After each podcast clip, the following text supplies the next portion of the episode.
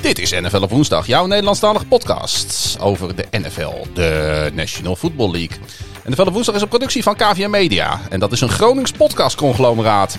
We gaan uh, in deze uitzending de NFC East en de NFC West voor beschouwen. En dat doen we met een gast die helemaal uit Lelystad naar Groningen gekomen is. Heet je? Hi. Jur. Hoe, Jur. hoe heet ik? Ja. Zo kon hier toch geen gast aan, man? Ja, sorry, ik heb geen intro. Jezus. We gaan... Ik, ik was bezig met de Hoe- intro en toen zei hij van ik doe het uit mijn hoofd. Dus dit is de intro. We hebben vandaag...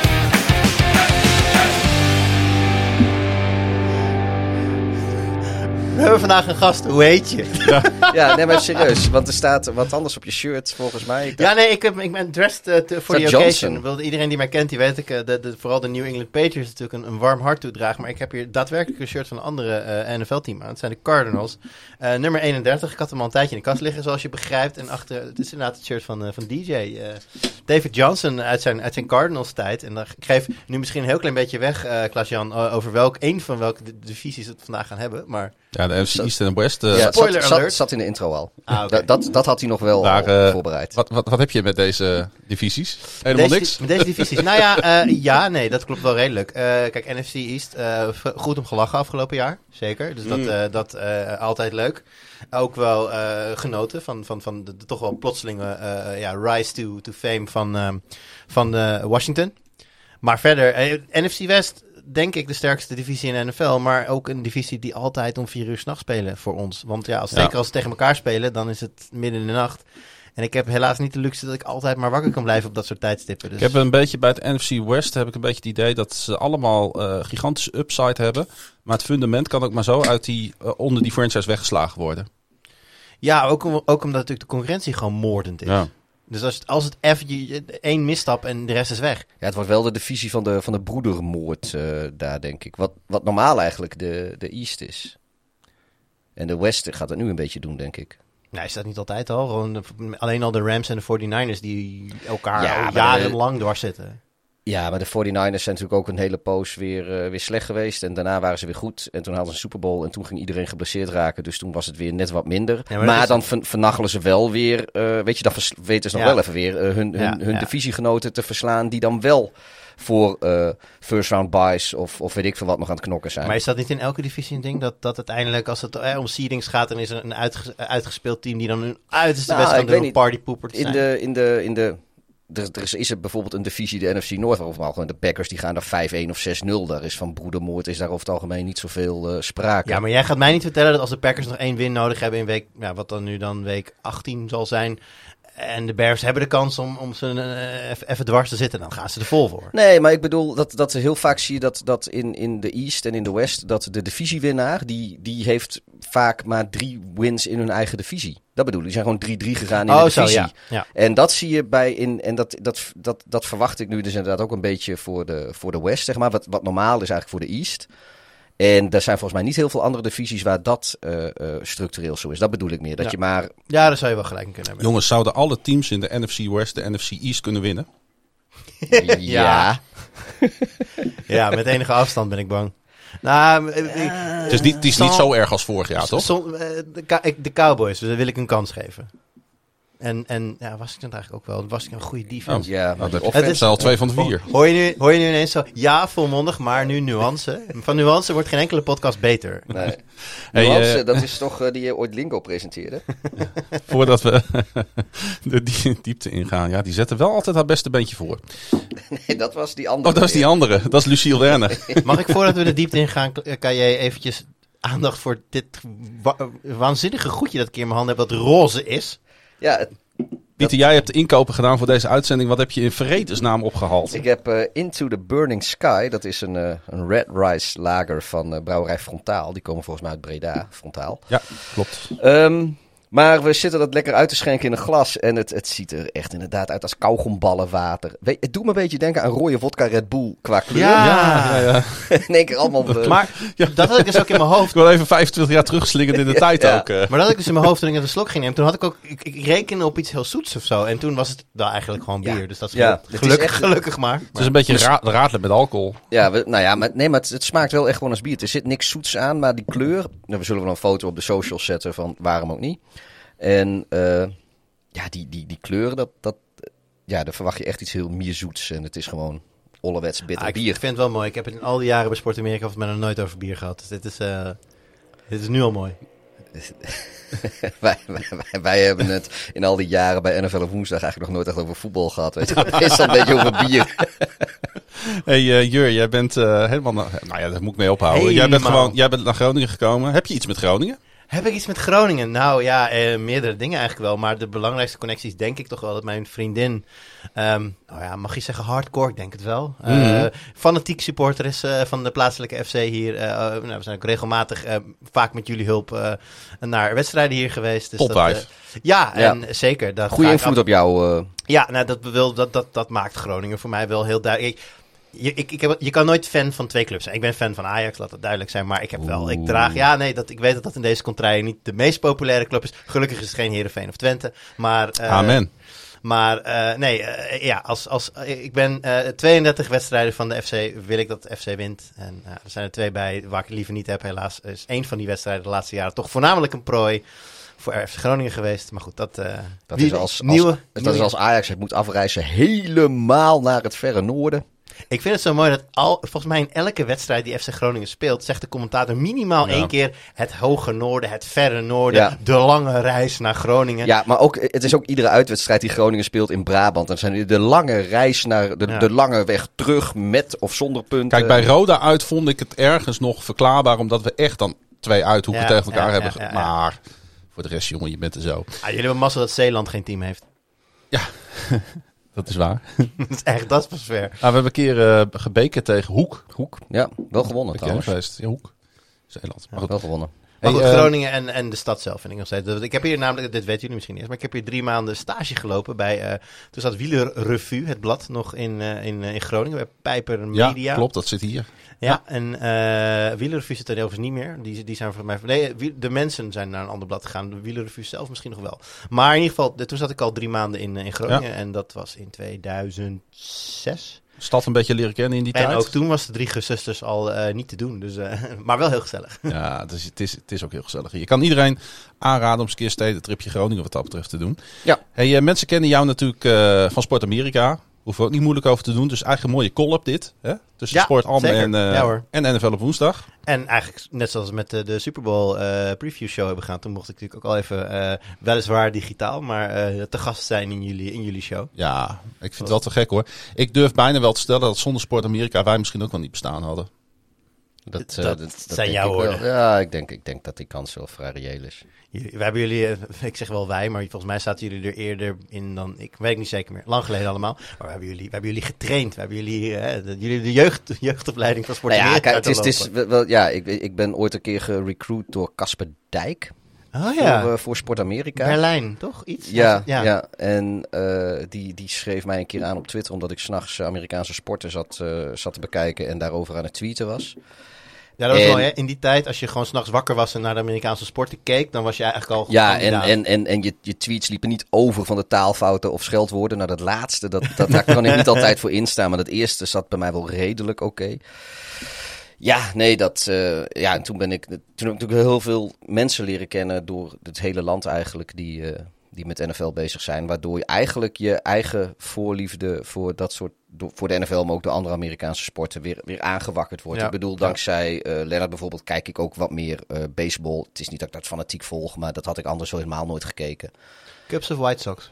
Eh, Op dit moment? Nee, zo, zo, of- nee, oh, nee, nee, ik, ik, ik, ik, ik, ik- als ze tegen elkaar zouden spelen, eh, White Sox, want de Cubs hebben nu alweer wat gewonnen, dus daar is het leuke af. Maar ik heb niks van die onderlinge rivaliteit, want ik gun ze allebei het beste. Dat, ik ben daar niet geboren, dus ik heb daar verder geen... Ja, geen, als ik kan vertellen als Red Sox fan, dan voel je toch meer affiniteit met de Cubs. Omdat die natuurlijk allebei klassiek stadion, klassiek club. Dat, Ja. En ook omdat de White Sox natuurlijk meer in directe concurrent zijn dan, Over de eh, Cubs. Boston gesproken. Laat, laten we het gewoon heel even benoemen. We gaan het er niet eh, per se over hebben. Jouw favoriete NFL-team, de New England Patriots. Ja, ja, ja. Hoe is dat eh, ge- gekomen? Eh, nou, daar zit een verhaaltje aan. Ik zal het zo snel mogelijk eh, proberen af te ronden. Ik zat op de middelbare school. Kreeg ik een, een, een, een, een, een, cd'tje, want die had je toen nog, in mijn handen gedrukt. Het album heette Sing Loud, Sing Proud. Was een album van de Dropkick Murphys. Daar stond het nummer op Tessie. Dat is een nummer dat niet zozeer gaat over de Boston Red Sox, maar dat is een beetje een soort van geuze-nummer ge- geworden. Nou, trouwens, het gaat wel over de Boston Red Sox. Over dat heeft te maken met dat Babe Ruth ooit werd verkocht aan, eh, aan, aan New York. Nou, geval lang- lange backstory. Zo ben ik in aanraking gekomen met de Boston Red Sox. Dat was mijn, eigenlijk mijn, eh, ja, toen begon ik serieus te kijken. En, eh, Dus ja, baseball was your first love?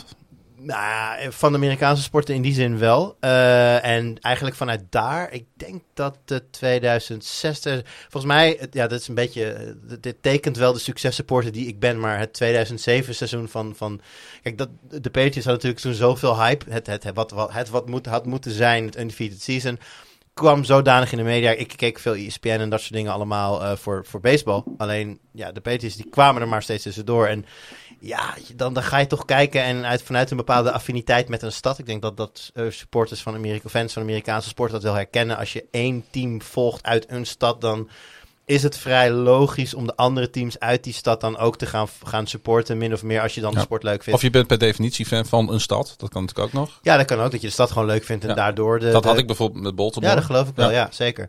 Ehm, tegelijkertijd ken ik ook mensen die juist complete teams uit complete Ja, verschillende dat steden... vind ik altijd raar om te zien in een, in een, in een Maar bio. die zijn Weet je, van, van Ja. eh, San Francisco Giants en, en dan de, pff, weet ik veel, de Chicago Blackhawks en de Tampa Bay Buccaneers en, en de Boston Celtics. Ja. en dan denk ik, ja. bij wijze dat, dat, Ik dat- ben fan van de Baltimore Ravens, maar ook van de Chicago Blackhawks. maar Omdat dat is Baltimore geen ijshockey Nee, precies. Ja, maar dat, precies, maar dat is een freebie, inderdaad. Ja. Maar eh, Boston heeft eh, de mazzel in die zin in alle grote competities aanwezig te zijn. Dus Ja, dat, eh, redelijk succesvol overal. zo, zo, sinds dat ik ben gaan volgen, eh, nou, ik ben, ben dan in 2000, zo'n 2004, Dus 5, er is een kausaal verband. hoor. ja, dus sinds ik ben gaan volgen hebben ze allemaal minimaal één keer een, een World, tussen aanhalingstekens, Ja, ja, ja. Championship eh, gewonnen. En eh, ja, de Patriots dan toch net nog wel even wat vaker dan, Ja. eh, dan de rest. Dus, eh, maar ik kan het niet weer. Als iemand zegt van je bent een ultieme successupporter. Ja, het, het, het is een kwestie van timing, denk ik. Maar ja, ik kwam op, op het meest succesvolle moment. Ze wonnen dat jaar niet de Super Bowl, maar wel alle andere dingen. Dus Ja. eh, dat, eh, daar, is- toen ben ik erin gekomen. En nooit meer weggegaan. Hoe gaan we het doen, deze podcast? Nou, we gaan eh, acht teams eh, voorbeschouwen. Vier uit de NFC East, vier uit de NFC West. Ik ga net als de vorige podcasts, ga ik alle teams even inleiden en dan mogen jullie daarop schieten. Dat is eigenlijk waar het op neerkomt. Oké. Lijkt me Op goed. jou schieten of op jouw opening? Op eh, wat ik zeg. Oké. Het is, het is een autist dat je ook bent. Ik had alweer van alles in de aanslag. Hey eh, jongens, we gaan beginnen met eh, de Dallas Cowboys. En eh, de Cowboys... America's team. Ja, die zullen er alles aan willen doen om 2020 heel snel te vergeten. En dat kan ook, wanneer Dak Prescott fit en in vorm terugkeert en Dan Quinn de defense weet te repareren. Prescott liep afgelopen seizoen een season-ending enkelblessure op in de vijfde wedstrijd. Hij keert terug met een vet contract op zak. 160 miljoen dollar voor vier jaar. Quinn volgt Mike Nolan op, die het slechts één seizoen volhield onder Mike McCarthy. Verder waren er niet eens heel veel wereldschokkende veranderingen bij de Dallas Cowboys. De defensie werd in de eerste ronde van de draft versterkt met Penn State linebacker Mika Parsons. De formule om de NFC East te winnen laat zich derhalve makkelijk uittekenen. Een elite offense creëren met aan de andere kant van de bal een competente defense. We gaan bespreken of dit ook gaat lukken. Jongens, de Dallas Cowboys, America's team. Veel eh, fans in Amerika, maar ook relatief veel fans natuurlijk in, eh, in de Netherlands. Wat is, de tegen, wat is de tegenhanger van een fan? Supporter. Nee, de Een, tegenhanger. an- een soort anti-fan. Oh, bedoel jij. je bedoelt, hater. eh, een Gewoon hater. Ja, ik voel redelijk. Dat, ik kan het niet zo goed je. verklaren, maar ik voel redelijk wat animosi- animositeit voor de Dallas Cowboys. Dat, is, dat hebben heel veel mensen. Het is wel een beetje, je, je houdt van het team of eh, je, je hebt er wat tegen. Nu moet ik eerlijk zeggen dat ik toch rel- relatief neutraal tegenover de Cowboys sta. Ik heb er geen hekel aan. Nou Ik, kijk, eh, ik- het is ik- zeker mijn favoriete team. Ik als, eh, als fan van de Patriots weet natuurlijk heel goed hoe het is om fan te zijn van een team waar iedereen die niet fan is er vrijwel per definitie een hekel aan heeft. Het is Hmm. iets minder geworden sinds Brady en eh, sinds, sinds de dynasty eigenlijk geëindigd is, is volgens mij de haat wat afgenomen. Maar ik kan me wel, ik, doordat ik ditzelfde voel voor de Cowboys, snap ik dat ook wel weer. Ik, ik begrijp dat je dat voor de Patriots ook wel kan hebben, zeg maar. Maar ik heb dat dus voor de Cowboys. Ik, ik, ik, ik ja, ik, als ik fancy spelers van de Cowboys in mijn team heb, dan, dan roet ik daar wel gematigd voor. Maar verder gun ik, eh, gun ik de, de Lone Star State niet zo heel veel hoor. Lijkt me ook best wel een toffe uitwedstrijd om toch een keer in dat gigantische eh, stadion van hun te zijn. Eigenlijk zijn de Texans toch ook gewoon het team van Texas. Ik bedoel, dat, de naam zegt het al. Wat hebben die Cowboys eigenlijk? Eh, Ja. Ze hebben een, eh, een, een veelbesproken eigenaar. En jongens, de Cowboys hebben een jaar lang mogen ervaren hoe het leven zonder Prescott eruit ziet. Dat was eh, niet fijn voor de gemiddelde Dallas Cowboys fan. Ehm, als hij fit terugkeert, hoe goed zijn de Cowboys dan? eh playoff waardig. Mits, ehm mits, de, mits kijk, de, eh, hoe heet die? Eh volgens mij is Tyron Smith, toch? Die, eh, die offensive tackle die eigenlijk soort van onmisbaar is bij hun. Ja, Ja, Ja, als, kijk, die is de laatste jaren vaker eh, eh, weggevallen. Ehm, is op dit moment trouwens ook geblesseerd. ja, nee, maar dat is dus het probleem. Kijk, op het moment dat hij fit was en dat alles, zeg maar, al de, de puzzelstukjes bij Dallas in elkaar vallen eh, bij de aanval, dan hebben zij een enorm potente aanval. Ze hebben in Elliott een van de beste running backs. Ze hebben een, eh, is dat zo? in- Nou, Elliot, die, die had natuurlijk vorig jaar best wel een matig seizoen. En ja, het- vanaf, en vanaf welk moment? Maar het is ook nog maar de vraag... Nee, maar vanaf welk moment had hij een ma- matig seizoen? Ben ik met je eens. Wij, wij hebben bij Sport Amerika vaker bij stilgestaan. Elliott, eh, yards per carry, alles was, was, was, was way down. Maar, ja, maar zijn fumbles waren way up. maar, ook, maar ook wel om, zeg maar, nadat Dek was weggevallen. En ook... eh, En de, en de brakke O-line en natuurlijk. de O-line. Kijk, op het moment, dat zeg ik, op het moment dat alle puzzelstukjes kloppen. Dus de, de line staat, Dek is fit, eh, de, hun, hun, hun drie top wideouts zijn aanwezig en Elliott is fit. Hebben ze echt e- een van de beste aanvallen van de NFC, wellicht van de NFL. Moet- Alleen, die puzzelstukjes zijn heel broos. Dat is een beetje het probleem. Het Dek, nou goed, Dek is niet per se heel bestuurgevoelig, maar had een zware besturen. Smit wel, die is vaker weggevallen. Ja, en dan, dan valt het al heel snel als een kaarthuis in elkaar. En merk je toch dat het niet genoeg is. Ik wil toch even inbreken op die opmerking van jou, Pieter. Over Elliott, die vorig jaar toch ondanks alle malaise nog bijna 1000 yards bij elkaar rende. En ehm, over de laatste vijf jaar de running back in de NFL is met de meeste carries. Ja, nou ja, dat, dat is natuurlijk ook een reden is tot geen Ik wil niet zeggen dat je efficiënt Dat bent. is geen pluspunt, hè? Nee, Nee, dat zeg ik. Nee, maar dat is, dat is reden tot zorg, Want inderdaad zeggen, ook. veel mileage is Ja. voor een running back niet een pluspunt. Nee, daar Mhm. hebben we het vorige, eh, volgens mij in de, eh, eh, met, eh, met eh, Michael vorige keer over gesproken, Ja. inderdaad. Eh, eh, ja, dat is ook... Ja, Maar hij is in de beste vorm van zijn leven, heb ik gelezen. Maar wat, ja, ja het oké. In pre-season sowieso. wat natuurlijk wel interessant is om te kijken naar vorig jaar. En te kijken van hoe draaiden de Cowboys met eh, Prescott en hoe draaiden ze zonder Prescott. Daar kunnen we volgens mij wel wat uit aflezen. Nou, met Prescott eh, noteerden ze de vijfde unit in de NFL aanvallend. Dus dat is playoff waardig. Ja, Zonder Prescott 31ste. Ja en dat, is- dat is tragisch. Maar tegelijkertijd, eh, dat, dat, dat is als je ze als complete unit vergelijkt. Als je naar de spelers zelf gaat, gaat kijken.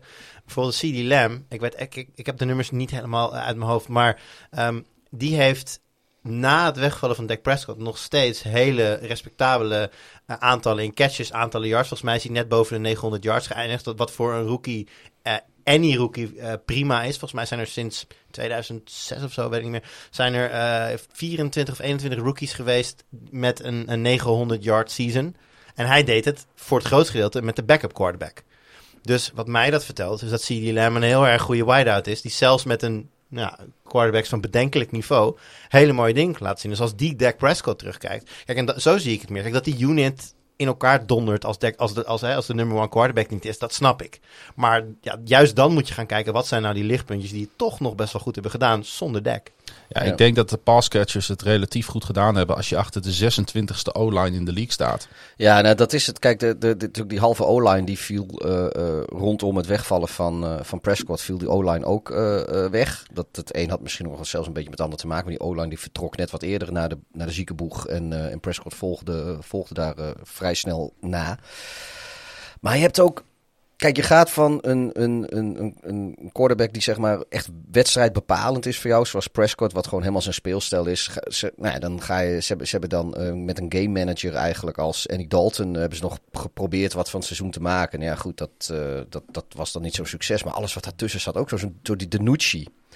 Ja, daar werden wij ook niet vrolijk van. Die vonden was- wij niet zo die was Gucci. niet zo Gucci. Die was ik al bijna vergeten. Ja, En wij niet. We hebben een ezelsbruggetje voor bedacht Ja. ja, namelijk. de Nushi niet zo. Ja. Ik, eh, ik hoor hem. Ja, mooi. nee, maar goed, dat. eh, eh, dus ja, het, het- het- kijk, Prescott is natuurlijk. zou die op het roster van nou wat zullen we zeggen, 25, 26 NFL-teams uh, waarschijnlijk de beste quarterback zijn meteen. Uh, maar ja, wat, wat erachter zat, dat, dat was Want dan ook... op papier is die O-line natuurlijk inderdaad hartstikke play-off waardig. Ja, als die, maar als die fit was gebleven, ja. dan denk ik dat je zelfs met een Andy Dalton erachter... Want laat ook niet vergeten, die defense van hun, die was ook verschrikkelijk slecht. Ik bedoel, we weten allemaal nog die wedstrijd tegen Atlanta. Nou, dat was bepaald ook geen, geen reuze doder mm. in de NFL. Maar uh, hoeveel punten gaat... Want het was toch steeds zo dat ze... Dat, dat, dat ze dat, dat die Prescott, die, die ramde er even zes touchdown passes in uh, over zo'n wedstrijd. En dan gaf die defense gaf er gewoon zeven weg. Weet ja. je, zo, zo dat, dat, ja, hoe, hoe, eerlijk is het als we dan toch die uh, sprong uh, naar de defense een beetje maken? Hoe eerlijk is het dat ze bij de Cowboys ervoor hebben gekozen om McCarthy, uh, Nolan te laten ontslaan? Een nieuwe defensive coordinator te halen, maar McCarthy uh, blijft uit alle problemen weg. En die blijft gewoon ja, headcoach bij de Cowboys. Maar die was vorig, jaar, vorig jaar was het eerste jaar toch als headcoach, headcoach bij de Cowboys? Ja, nadat hij een jaartje sabbatical had ja, gehad. Ja. ja, waarin hij vertelde dat hij in dat jaartje zichzelf allerhande digitale scouting shit en wedstrijdanalyse methoden zich had aangeleerd. En toen was het seizoen één keer begonnen en toen zei hij van ja, was een grap, heb ik helemaal niet gedaan. Wat de fuck was dat ook? Ja, dat, dat vind ik nog meer reden om hem te ontslaan dan, dan er... Kijk, want ik snap wel, als je als, als Cowboys zijn en je gaat, met, je gaat een, een bepaald avontuur aan met een headcoach het loopt defensief niet. Ja, dan vind ik het op, op zich logisch dat je eerst een keer de defensive coordinator eruit gooit. Stel dat dit zich gaat herhalen dit jaar, misschien ook nog wel volgend jaar. Ja, dan wordt het een keer bijltjesdag. Waarom heeft hij Queen gehaald? Ja, daar heb ik het antwoord niet op. Die heeft nog nooit, volgens mij, overtuigd met een defense namelijk. Nee, precies daarom. Ik heb geen idee. Echt niet. Ja. Waar, uh, waar kwam die uh, Quinn vandaan? Uh, van, de, van de Falcons, hè? Ja. ja toch wel. wel van de Falcons. Ja. Hij uh, uh, was natuurlijk daar niet de uh, vijf jaar lang de defensive playcaller. Zo eerlijk moeten we ook nee. zijn. Maar um, um, ja, wat, wat kan hij met, met deze defense? Beste speler is denk ik de Marcus Lawrence in die, in die defense. Tweevoudig Pro Bowler, tweede ronde pick in 2014. Ik vind sowieso dat als je naar het roster van de Cowboys kijkt, staan heel veel spelers op die ook al heel lang bij de Cowboys spelen ook al wel heel lang op een behoorlijk niveau. Ze zijn daar niet echt per se van het, uh, van het uh, doorselecteren natuurlijk. Um, maar ja, hebben ze iets gedaan om die defense naar een hoger niveau te tillen? Dat is natuurlijk de vraag. Ik vind, wel, ik vind het zelfs wel interessant dat ze een um, ja, safety slash linebacker van Atlanta hebben gehaald. Dat is natuurlijk gewoon dan op voorspraak van Dan Quinn. Ja. Die, die, dan, die heeft hem dan ook gedraft in, in Atlanta. Uh, dat is die, uh, hoe heet die? Uh, Keanu, Keanu Neal. Ja. ja. Dat ben ik dan wel. Ja, ik, ik vind het altijd grappig. Hè? Want je ziet in, in andere sporten ook wel eens dat coaches dan spelers meenemen. Ik, Patricia heeft het ook gedaan in de Lions ja. natuurlijk. En Flores naar de, naar de Dolphins. Niet altijd met evenveel succes. Um, maar geef me, hij, heb ik wel, dat geeft me wel het idee dat er, in, dat er een idee achter zit of zo. Dat hij een bepaalde rol ziet voor zo'n speler. Die, Zeker. Waarmee hij iets, iets kan ja, gaan doen. Het, is, het was een safety bij Atlanta. Ze zijn nu aan het ombouwen Ja. naar linebacker. Ja. Verder hebben ze Janus Smith gehaald en, die, eh, en Vander Ash. Ehm, ja, ik, ik, ik, het zou best beter kunnen zijn, maar voor hetzelfde geld weten ze het niet bij elkaar te krijgen. Is en het- wordt het weer dramatisch. Ja, weet je, ik heb bij de Cowboys een beetje het idee, en dat, dat, dat zal echt niet zo zijn, want ik kan me niet voorstellen dat het waar is. Maar het lijkt wel eens zo alsof ze daar, eh, god weet die eigenaar nou, ehm, eh, Jerry, eh, Jerry Jones? Jerry Jones. Ja. Eh, die vindt het, die wil eigenlijk, het team moet goed genoeg zijn om interessant te blijven en merchandise te verkopen en geld te genereren. Maar zolang het team op dat niveau is, ach, is het ook wel best. Want ik kan me niet voorstellen dat een team als de Cowboys. Nou, begin jaren negentig hebben ze natuurlijk eh, eh, een paar Super Bowls eh, gewonnen. Maar sindsdien is het gewoon. Is het zo'n traditionele 8-8 franchise, weet je wel? Ja, maar- of, of dit jaar dan wordt het 8-9-9-8. Maar, maar het lijkt wel of, of ze daar gewoon tevreden zijn met middelmatigheid, zolang het geld maar binnenstroomt Ja, en- bij Jones. Maar En wat, wat je zegt klopt, want waar komen fans voor naar het stadion? Voor een mooie aanval, voor, voor, voor spektakel. Spektakel. Ja. Dit is een team dat absoluut spectaculaire wedstrijden gaat spelen. Want die aanval kan scoren en die verdediging kan punten tegenlaten. ja, Niet tegenhouden, tegenlaten. Dus ehm, ja, ik, ik, dit, ik, ik zie wel een bepaalde eh, brug tussen... maar komen, komen fans niet nog veel liever naar het stadion voor een, voor een team dat, dat serieus meedoet om de knikkers? Ja, waarschijnlijk wel. Maar uiteindelijk is, gaat dit wel veel spektakel opleveren. Ik zie hier Ja. trouwens wel een bepaald parallel tussen eh, met een team dat we volgens mij later vandaag nog gaan bespreken, eh, Seattle. Hele mooie, spectaculaire aanval. Een zeer tegenvallende, niet goed genoeg zijnde eh, verdediging om daadwerkelijk in de play-offs eh, iets te doen. We zeiden net helemaal het begin, eh, play-off waardig met dek. Ehm, maar daar stopt het ook dan. Ja, want de verdediging inderdaad, om die nog even samen te vatten. Huidige pass is echt een vraagteken nog steeds. Ze zijn ongelooflijk shaky op safety. Er is talent op linebacker. Alleen, ehm, ze wisten vorig jaar geen enkele tight end te verdedigen. Stonden ze bijna onderaan in de league. Ehm, ze waren dertigste eh in DVOA tegen de deep passes. Ja, en eh, volgens mij heeft juist daar Quinn laten zien dat hij nooit een vuist heeft kunnen maken in Atlanta. Dus ik zie gewoon die combi Quinn deze defense ook niet. Daar ligt mijn allergrootste probleem bij, eh, bij de Cowboys defense van dit jaar. Nou en dat is het. En dan, dan ga je kijken van, nou ja, de, de NFC is, East is denk ik wel te winnen voor de Cowboys. Ehm, maar ja, wie kom je daarna tegen? En of het nou eh, de Packers van Rodgers zijn, of, of de Buccaneers van Brady, of, of, of wie dan ook. Ja. Eh, ik zie niet in hoe die, hoe die verdediging dat gaat houden dan. En zeker niet. Kijk, tegen de Packers, die dan ook niet een topverdediging hebben, zouden ze zelf misschien. Dan zou het nog een shootout kunnen worden. Maar tegen de Buccaneers, die wel gewoon een goede verdediging hebben, gaan ze er volgens mij dan genadeloos af. Dus conclusie op zich ligt de divisietitel in eh, binnen bereik. Maar meer ook niet. Absoluut. Gaan we voorspellen. Ja, eh, hebt nou, ik zei, net, net, gezegd- ik, ik zei het al een al beetje. gezegd, Het wordt 9, 8, 8, 9, eh, eh, 8, 9. 8-9. Jur. Ik moet heel erg zeggen dat ik de strength of schedules momenteel niet helemaal Is in niet, eh, zij hebben het op 6 na makkelijkste schema volgens Bet MGM. Ja, ja, dan geef je ze toch... eh, jij zegt 8-9. Dan wordt 9-8. Ja, dan denk ik dat zij 10-7 misschien wel in hun mars hebben. Ik zet ze op 9-8. Dus even kijken. Nou, hey, Jerry Jones. Mij moet je hebben, hoor je wel weer. Dus het ligt dicht bij elkaar. Mag ik een tussendoorvraag stellen? Uiteraard. Jij altijd. dropt net heel, eh, heel, heel, heel makkelijk even de, de, de, de term DVOA. Mhm. Is, dat, is dat voor jullie eh, zeer goed onderlegde luisteraars een ingeburgerde term inmiddels? Ken jij het?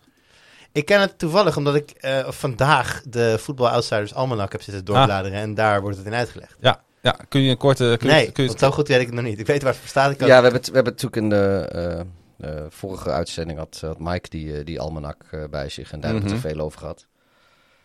Ik heb de term... nou, het, het is... ehm, ik kan het er wel even bijpakken. want Ik heb Nou, het, hier, het is in ieder geval iets dat, eh, zeg maar, een, een bepaalde... Je hebt natuurlijk statistieken. Ja. En wat DVOA doet, is het, het zet die statistieken in een bepaald perspectief van de kracht van de tegenstander waar, Juist. waar, waar, je, waar tegen je die statistieken Eh, hebt behaald. In, in het geval van een seizoen dus alle tegenstanders. Ze pakken dus de, de, bijvoorbeeld de defense, eh, strength van de defense pakken ze erbij. Ze pakken eh, het strength of schedule pakken ze erbij.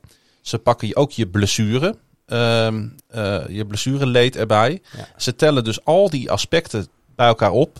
Alsof het een soort van wiskundige Ja, som down, is. down and distance, alles. Ja. alles. Ja, en maar- daar, daar rolt dan een bepaalde ranking uit. Ja. Dus ze nemen alle aspecten van het spelletje nemen ze mee. En daarmee is het, eh, is het, het de eerlijkste, niet geheel objectieve statistiek die er is. Ja, en sowieso die almanak staat daar vol mee. Want je hebt inderdaad ook een aangepaste, eh, bijvoorbeeld voor quarterbacks yards above replacement. eh, Ja, wat dan ja. ook weer eh, gemiddeld is tegen, tegen tegenstanders en, en welke defenses en zo. Maar je, je mag vanuit gaan als wij zo'n term gebruiken en wij zeggen ze zijn eh, bijvoorbeeld eh, 20ste DVOA, dat dat ook aardig klopt. Dus met alles daarin meegenomen. Dus niet inderdaad op basis van één statistiek, maar op basis van alle statistieken. Ja, nee, ik vind het een schitterende stad. Ben ik helemaal met je eens. Maar. Ik vind het gewoon... eh, kijk, in Nederland, eh, dat merken wij met Sport Amerika ook. Je, je hebt mensen die het al sinds dat ze klein zijn volgen en inmiddels al 30 jaar en die weten alles. Mhm.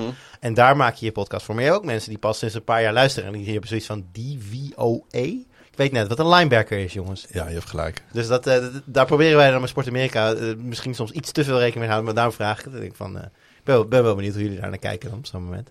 Schakelen we door naar de New York Giants. En offseason ging zeker niet geruisloos voorbij in de Big Apple. Op offense tekende de Giants wide receiver Kenny Galladay met een vierjarige deal ter waarde van 72 miljoen dollar.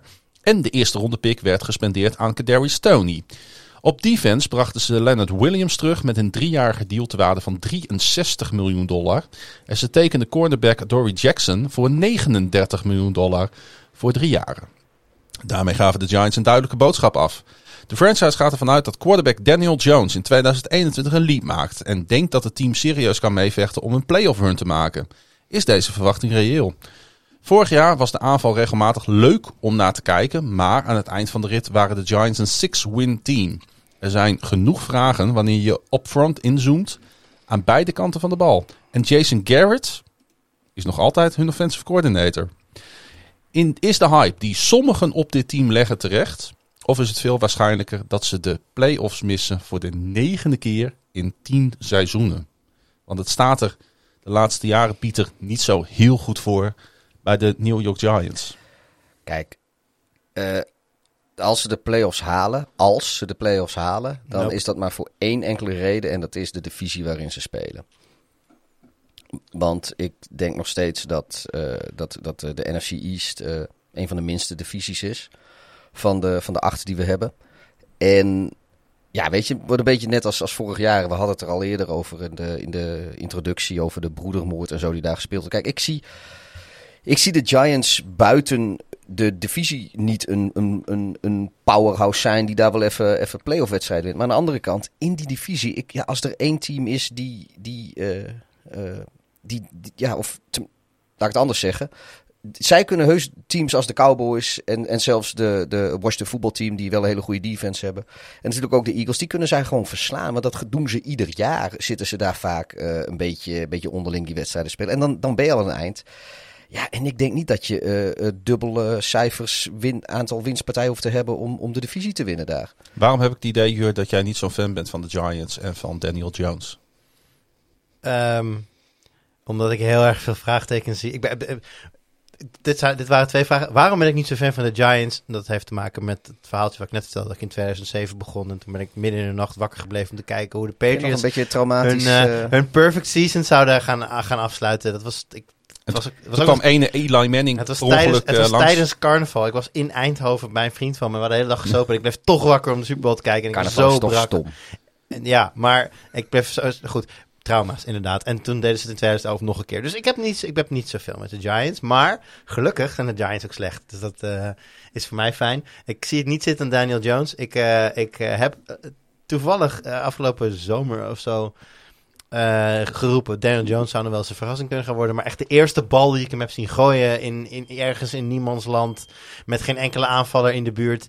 had ik zoiets van, wacht even, dit, deze man is het totaal niet. En hoorden jullie dit ook? Ja, dat komt van buiten, de piepje.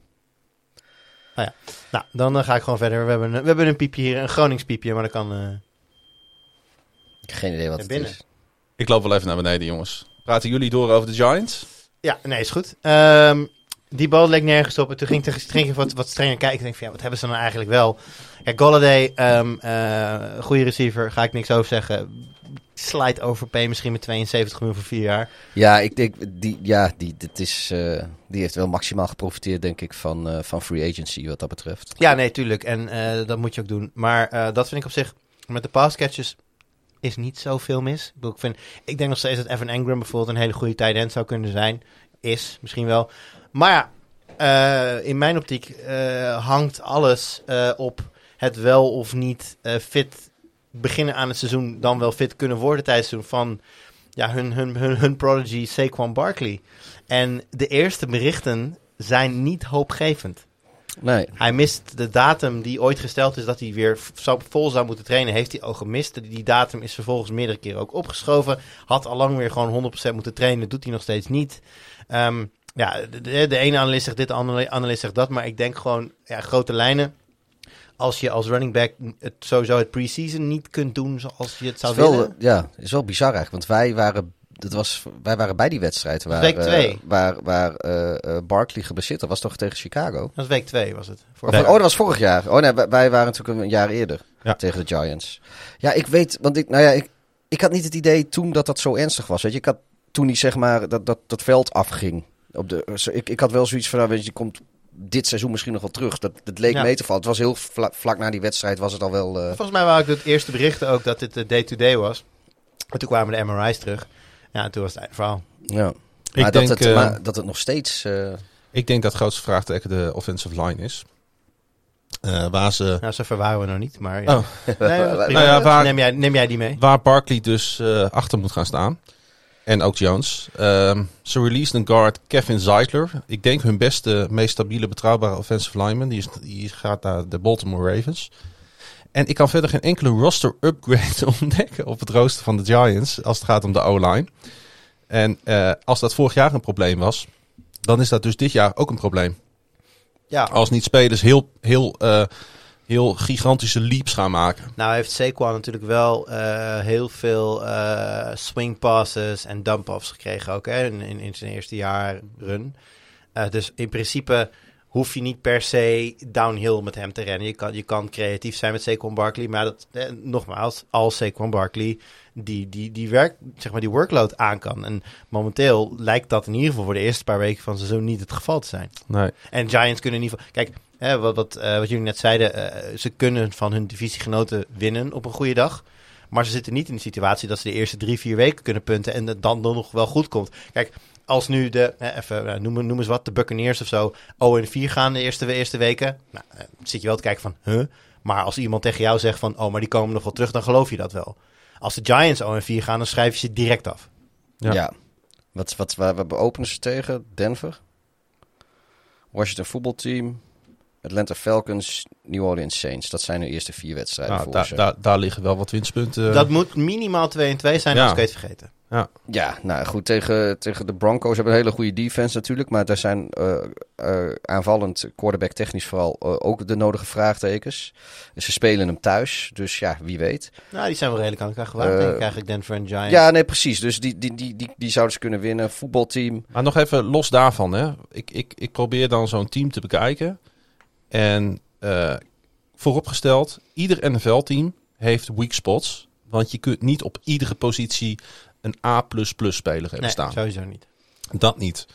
Maar volgens mij, en eh, Frank Metsenmakers die weet het altijd heel mooi te zeggen. Het gaat om de lines, om de lines, om de lines. Dat is de basis van je team. En als ze dan op left guard een rookie hebben staan die door de mand zakt, door, de, door, het, ijs, door het ijs zakte vorig jaar. Als ze dan op right guard ehm, een tweede ronde pick uit 2018 hebben staan die niet presteert. Als ze dan op right tackle een Matt Peart hebben staan die één wedstrijd achter zijn naam heeft staan. Hoe moet dan, stel al zou Jones een redelijke quarterback zijn die een leap kan maken, daar prestaties achter leveren? Ik zie het gewoon niet. Ik ook niet. Nee, Ja, aan de andere kant, dan weet hebben, je... we, hebben we dat vastgesteld. Nee, maar ze hadden, ze hadden natuurlijk ze hadden drie, eh, drie rookies of zo hadden ze op de O-line staan vorig jaar. Ja, met Seidler die ze dus eh, eh, weg hebben laten gaan naar Baltimore. Maar, maar goed, weet je, die, die boys die hebben nu wat meer ervaring. Als, kijk, als je die hele... Normaal gesproken kun je best een rookie inpassen in je O-line. Maar als jij drie rookies op je O-line hebt staan, dan gaat het probleem opleveren. Maar dat wil niet zeggen dat dat eh, altijd het probleem blijft. Die boys die krijgen ook gewoon ervaring. En eh, best kans dat daar eh, nu wat meer stabiliteit is. Zou weet je, ik, ik, ik, ik, ik, ik vind het één grote gamble wat ze aan nou ja, ik, ik ga, maar ik ga niet met je mee dat, dat die O-line slechter geworden is. Het- De, ka- de kans is net zo groot, vind ik, dat, dat de O-line ja, niet, niet, niet radicaal, maar toch enigszins beter is. Ik, ik, ik denk vooral dat dit het jaar is waarin. Eh, eh, Zo zullen ze bij de Giants ook redeneren. Ik denk dat jij hun redenatie nu volgt. ja, dat nou ja, kan niet anders. Nou ja, dat, dan, dan volg ik wel de mensen die dichtst op het vuur zitten. We moeten- Maar ik denk. nee, maar weet je, dit wordt, eh, dit wordt gewoon eh, eh, het jaar van, eh, van. Ja, kom op. Die, ja, het is aan de quarterback. Die heeft, die, het is zijn team nu. Hij heeft, hij heeft wapens op wide receiver. Eh nou ja, goed. We, we worden zaten- laatste in de divisie. Oh, dat, Ja. dat, dat kan heel goed. En dat is best knap, want Phillies zijn ook echt niet goed. Maar moeten we Nee, nog maar- even over de fumbles het is- trouwens het is- hebben van het is- het wel het jaar van Jones. Dit is het wel Je het moet jaar dat hij moet me laten wel zien. corrigeren als ik zeg Phillies, hè, want dan gaat het over baseball. Ik bedoelde de Eagles. Oh, ik stond Philly gewoon. Ik zei Phillies, Oh. mogelijk. Oh nee, dat, dat hoorde ik niet. Nee, Nee, maar- Daniel Jones moeten dit seizoen echt laten zien. Dit, er, zijn, er zijn nu helemaal geen excuses meer. Dit is, eh, dit is zijn make-or-break season. Weet je hoeveel fumbles die op zijn naam heeft staan Te veel. In 27 wedstrijden? 28. 29. Wow. Zat je nog eh, redelijk dicht in de buurt. Ja, ja dat, is, dat, dat is ook alweer zo'n statistiek die niet in zijn... Het is natuurlijk cherrypicking in statistieken om iemand zwart te maken, dat weet ik wel. tuurlijk. Maar goed, hij heeft in ieder geval wel Golladay bij, jongens.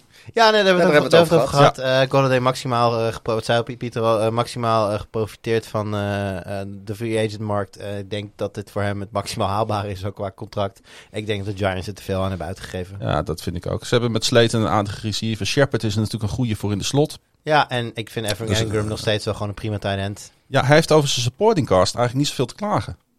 Nee, er zijn zeker eh, teams New England die het met minder moeten doen. Precies. Dus ehm, ja, Nee, dat zei dat, eh, eh, Daniel Jones bedoel jij, die mag niet klagen. Nee, over zijn Nee, supporting nee, cast dat, dat, niet. Maar dat, wel vandaar dat, lijn. Ja. van- zijn line wel. maar vandaar dat ik dus net zeg, het is aan hem, het is zijn team nu, hij moet het nu laten zien. Ik Ja. bedoel, ze hebben eigenlijk alles om hem heen, zo goed en zo kwaad als het kan, eh, eh, eh, verbeterd. Hij moet het laten zien. Ik denk niet dat hij het laat zien, Ja, maar, ja, maar het is hij- wel aan hem. Hij moet het laten zien, maar ik vind wel als je, als je, als je, gaat, als je dit gaat analyseren en je kijkt wat ze hebben uitgegeven aan een Golladay, terwijl je ook zonder Golladay al een nou, vrij respect... En ze hebben Kadarius Tony trouwens eh, gedraft, ook, Ja. eh, ook een wide receiver. Eh, zonder, zonder Golladay wa- was er al genoeg om naar te gooien. Had je dat geld niet beter in je offensive line kunnen steken? Nou ja, daar hebben ze Amen. volgend jaar twee eerste ronde picks voor. Ja, maar goed, dan is, het, dan is dit dus niet het jaar dat Daniel Jones, dan wordt het volgend jaar. Nou ja, goed. Maar dat is de gouden regel van American sport. There's always next year. Ja, dat is waar. De defense zette vorig jaar onder coördinator Patrick Graham wel volgens mij een stap in de goede richting. Eh, gemiddeld.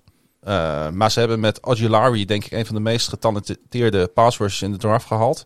Op de vijf, vijftigste overall pick. Had natuurlijk wat met zijn gezondheid te maken. Hoe zit dat? Ehm, Wat zeg je? Hoe staat dat met, eh, met zijn gezondheid? Ja, hij heeft wat, wat, wat, wat, wat fysieke ongemak. Gewoon blessuregevoelig? Wat blessuregevoelig, ja.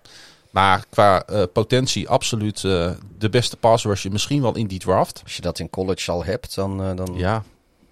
Maar ik snap wel dat ze ervoor zijn gegaan. Ja, Soms ja. moet je ook gewoon de gamble wel nemen. Ehm, ze raakte trouwens defensive tackle Delvin Tomlinson kwijt. Maar wie tekenden ze daar in, in New York, Pieter?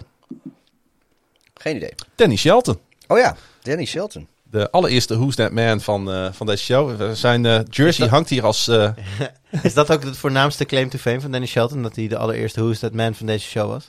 Want dan heb ik niet zo'n heel goed, goed gevoel over deze, eh, over deze speler. wij hebben al wat hij- langer niet zo'n goed gevoel over Danny Shelton. maar hij popt overal in de NFL weer op. Weet je hoe hij eh, ooit de Who's That Man geworden is? Dat was volgens mij vorig jaar met Thanksgiving. Zaten wij hier eh, eh, Texans-Lions te kijken. Dat was een Thanksgiving-wedstrijd. Texans op bezoek in Detroit. En we zaten aan de kalkoen. En ik, ja, ik, ik keek zo op, opzij naar die televisie. De, de, de- Het was al eerder in het seizoen trouwens. was al. Oké. Maar dat maakt niet uit. Ga door. Maar goed, eh, eh, We zaten wel samen te kijken naar de Lions in ieder geval. Ja, en, en in één keer zit die, is die Shelton, die is daar in beeld. Die, die, ik geloof die ze wilde eh Stafford, of, of, of, of, of nee, ehm, de, de tegenstander die deed de, de, de hurry-up offense, de Ja. no-huddle. En toen moest hij natuurlijk weer terug ook naar de lijn. En dan struikelde die. en dan ja. lag hij daar in het backfield van de... Ja, was als dat, ik weet dan niet of dat dan ook tegen de Texans was. Maar in ieder geval in het backfield van die tegenstander. En dat, dat flitste zo voorbij, weet je wel. Dan heb je zeg maar die, die, die, eh, die high-angle camera van bovenaf in het stadion. En daarna gaan ze inzoomen. En ik zit er van...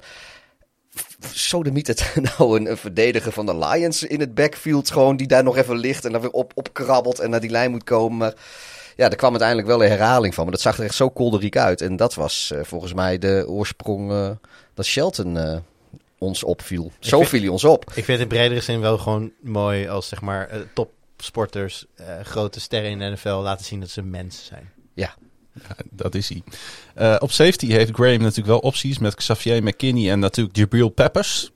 Als, eh, als strong safety, daar mogen ze niet over klagen. En verder eh, zat ik een beetje naar New York te kijken. Afgelopen seizoen, zij passen een beetje, ik weet niet of jij, eh, of ik nu iets heel doms ga zeggen, die Patriots-formule toe. Leunen op de coverage en scheming op eh, de pass rush. Alleen rankte de Giants 32ste in pass rush win rate. Dus ze probeerden volgens mij een beetje de Patriots defense na te doen, maar dat lukte totaal niet. Nee, je moet wel talent hebben dan. Je moet een Nee, goede... die- Precies. Nee, niet eens. Nou ja, Nou- nee, je moet een baseline hebben. Je moet het wel uit kunnen voeren. Hoe vaak heb je niet, eh, wat de, waar de Patriots somehow, ik weet niet hoe ze doen, heel goed in zijn. Totale nobodies in het systeem elevaten naar belangrijke spelers. Zodra dan die spelers ergens anders heen gaan, veranderen het weer in nobodies. En daar zijn zoveel voorbeelden van al. Gewoon roleplayers in het Patriots sy- systeem, die dan in een ander systeem totaal niet meer uit de verf komen. Maar wat je zegt klopt wel hoor. Eh, eh, de, de insteek is zelf, ik weet niet of ze letterlijk probeerden Mhm. de Patriots na te doen. Maar ik, her, ja, ik herken daar qua, qua eh, coverage scheme zeker wel iets in. Ja. absoluut. Ehm, ehm, ja, uh, hoe Wil je alsjeblieft trouwens hierna nooit meer de Patriots gaan vergelijken met de, met de Giants? Kunnen we daar nu gewoon een streep onder zetten, alsjeblieft. Ik schrok me kapot, joh. Ja, ik zie het ook aan je. Ik zie, ik, je, je viel echt even weg, hè? Ja, je zat er gewoon even wit, weg, wit joh. weggetrokken. Ze hebben trouwens wel ook een... De tint blauw is wat anders, maar de, de kleuren komen ook wel overeen een beetje. Ja, het zijn allebei grote steden aan de oostkust. Hè? Ja, ja zeg, ik, zo, ik zie wel eh, wat, uh, wat gelijkenissen trouwens, nu we het er toch over hebben. Ja, en die Daniel Jones is eigenlijk ook net gewoon Tom Brady. Ja, ja. jongens, uh, ik heb zoveel twijfels over Garrett. Um... Hij kan wel heel goed applaudisseren aan de lijn. ik denk niet dat hij alles uit dit team kan halen wat erin zit. En zeker niet uit Jones. Dus ik uh, zet ze op uh, vier overwinningen. Doe maar weer. Vier Ja. stuks. Dus Ja. dan ga je ben automatisch geen fan van ze. voor 13 nederlagen dus. Ik denk dat ze absoluut inderdaad vierde gaan worden in hun divisie. Ja, ik, ik, ik ga of met je mee, maar dat is dan weer flauw, hè? Dus dan moet ik eigenlijk even iets anders doen. Je gaat voor drie overwinningen. Ja, ik denk het wel. Ja. Ik ga voor drie overwinningen voor de Giants. Ja. 14. Nou, dan ga ik voor 14. 3. Nee, ik. nou, Nee, en ik- dat, dat- je zegt Jason Garrett. De enige reden, waar, want ik, ik ben ook niet zo'n heel grote fan van Jerry Jones. De enige reden waarom ik het leukste vind als de Giants dus kampioen worden. Somehow, ik weet niet hoe, maar dat dus Jason Garrett dus een kampioenschap pakt weg eh, na zoveel jaar in, in, eh, in Dallas. Ja. Dat, dat zou ik dan wel weer grappig vinden. Maar dat is het enige positieve aan het hele verhaal. Voor de rest denk ik dat ze niet meer dan drie wedstrijden gaan winnen. En jij zegt Pieter? ja, dan zeg ik gewoon eh 5-12. Gewoon om. Ik denk wel dat ze beter zijn dan twee overwinningen. Eh, en om toch weer wat anders te hebben, zeg ik 5-12. 5 december staat. Maak mijn Excel sheet ervan trouwens. Dat is. Jongens, drie jaar geleden hadden de Eagles hun eerste Super Bowl win in de pocket. En een jonge quarterback in Carson Wentz, waar ze ogenschijnlijk een franchise omheen kon bouwen. Bovendien hadden ze met headcoach Doug Peterson een hoofdcoach die het was gelukt 41 punten bij Bill Belichick in de maag te splitsen. Met Nick Foles notabene als quarterback.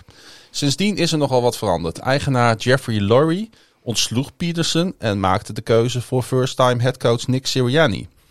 Wentz werd getraind naar de Indianapolis Colts. Howie Roseman blijft Lurie's rechterhand en krijgt voorlopig het vertrouwen om de toekomst van Philly uit te stippelen. De franchise had dit offseason als doel om draft capital te verzamelen voor volgend seizoen. Dat kan een goede strategie zijn als Jalen Hurts een franchise quarterback blijkt. Is hij dat niet, dan hebben de Eagles potentieel drie eerste ronde picks in 2022. Hun eigen, een van de Dolphins en potentieel één van de Wentz trade als bepaalde benchmarks worden gehaald in het eerste seizoen bij de Colts. Dit seizoen spendeerden de Eagles hun eerste ronde pick aan wide receiver Davonte Smith. Defensief tekenden ze cornerback Steven Nelson, linebacker Eric Wilson en safety Anthony Harris. Zijn de Eagles dit jaar relevant? De linies zien er beter uit en een nieuwe coach en quarterback hebben tijd gehad om aan elkaar te wennen.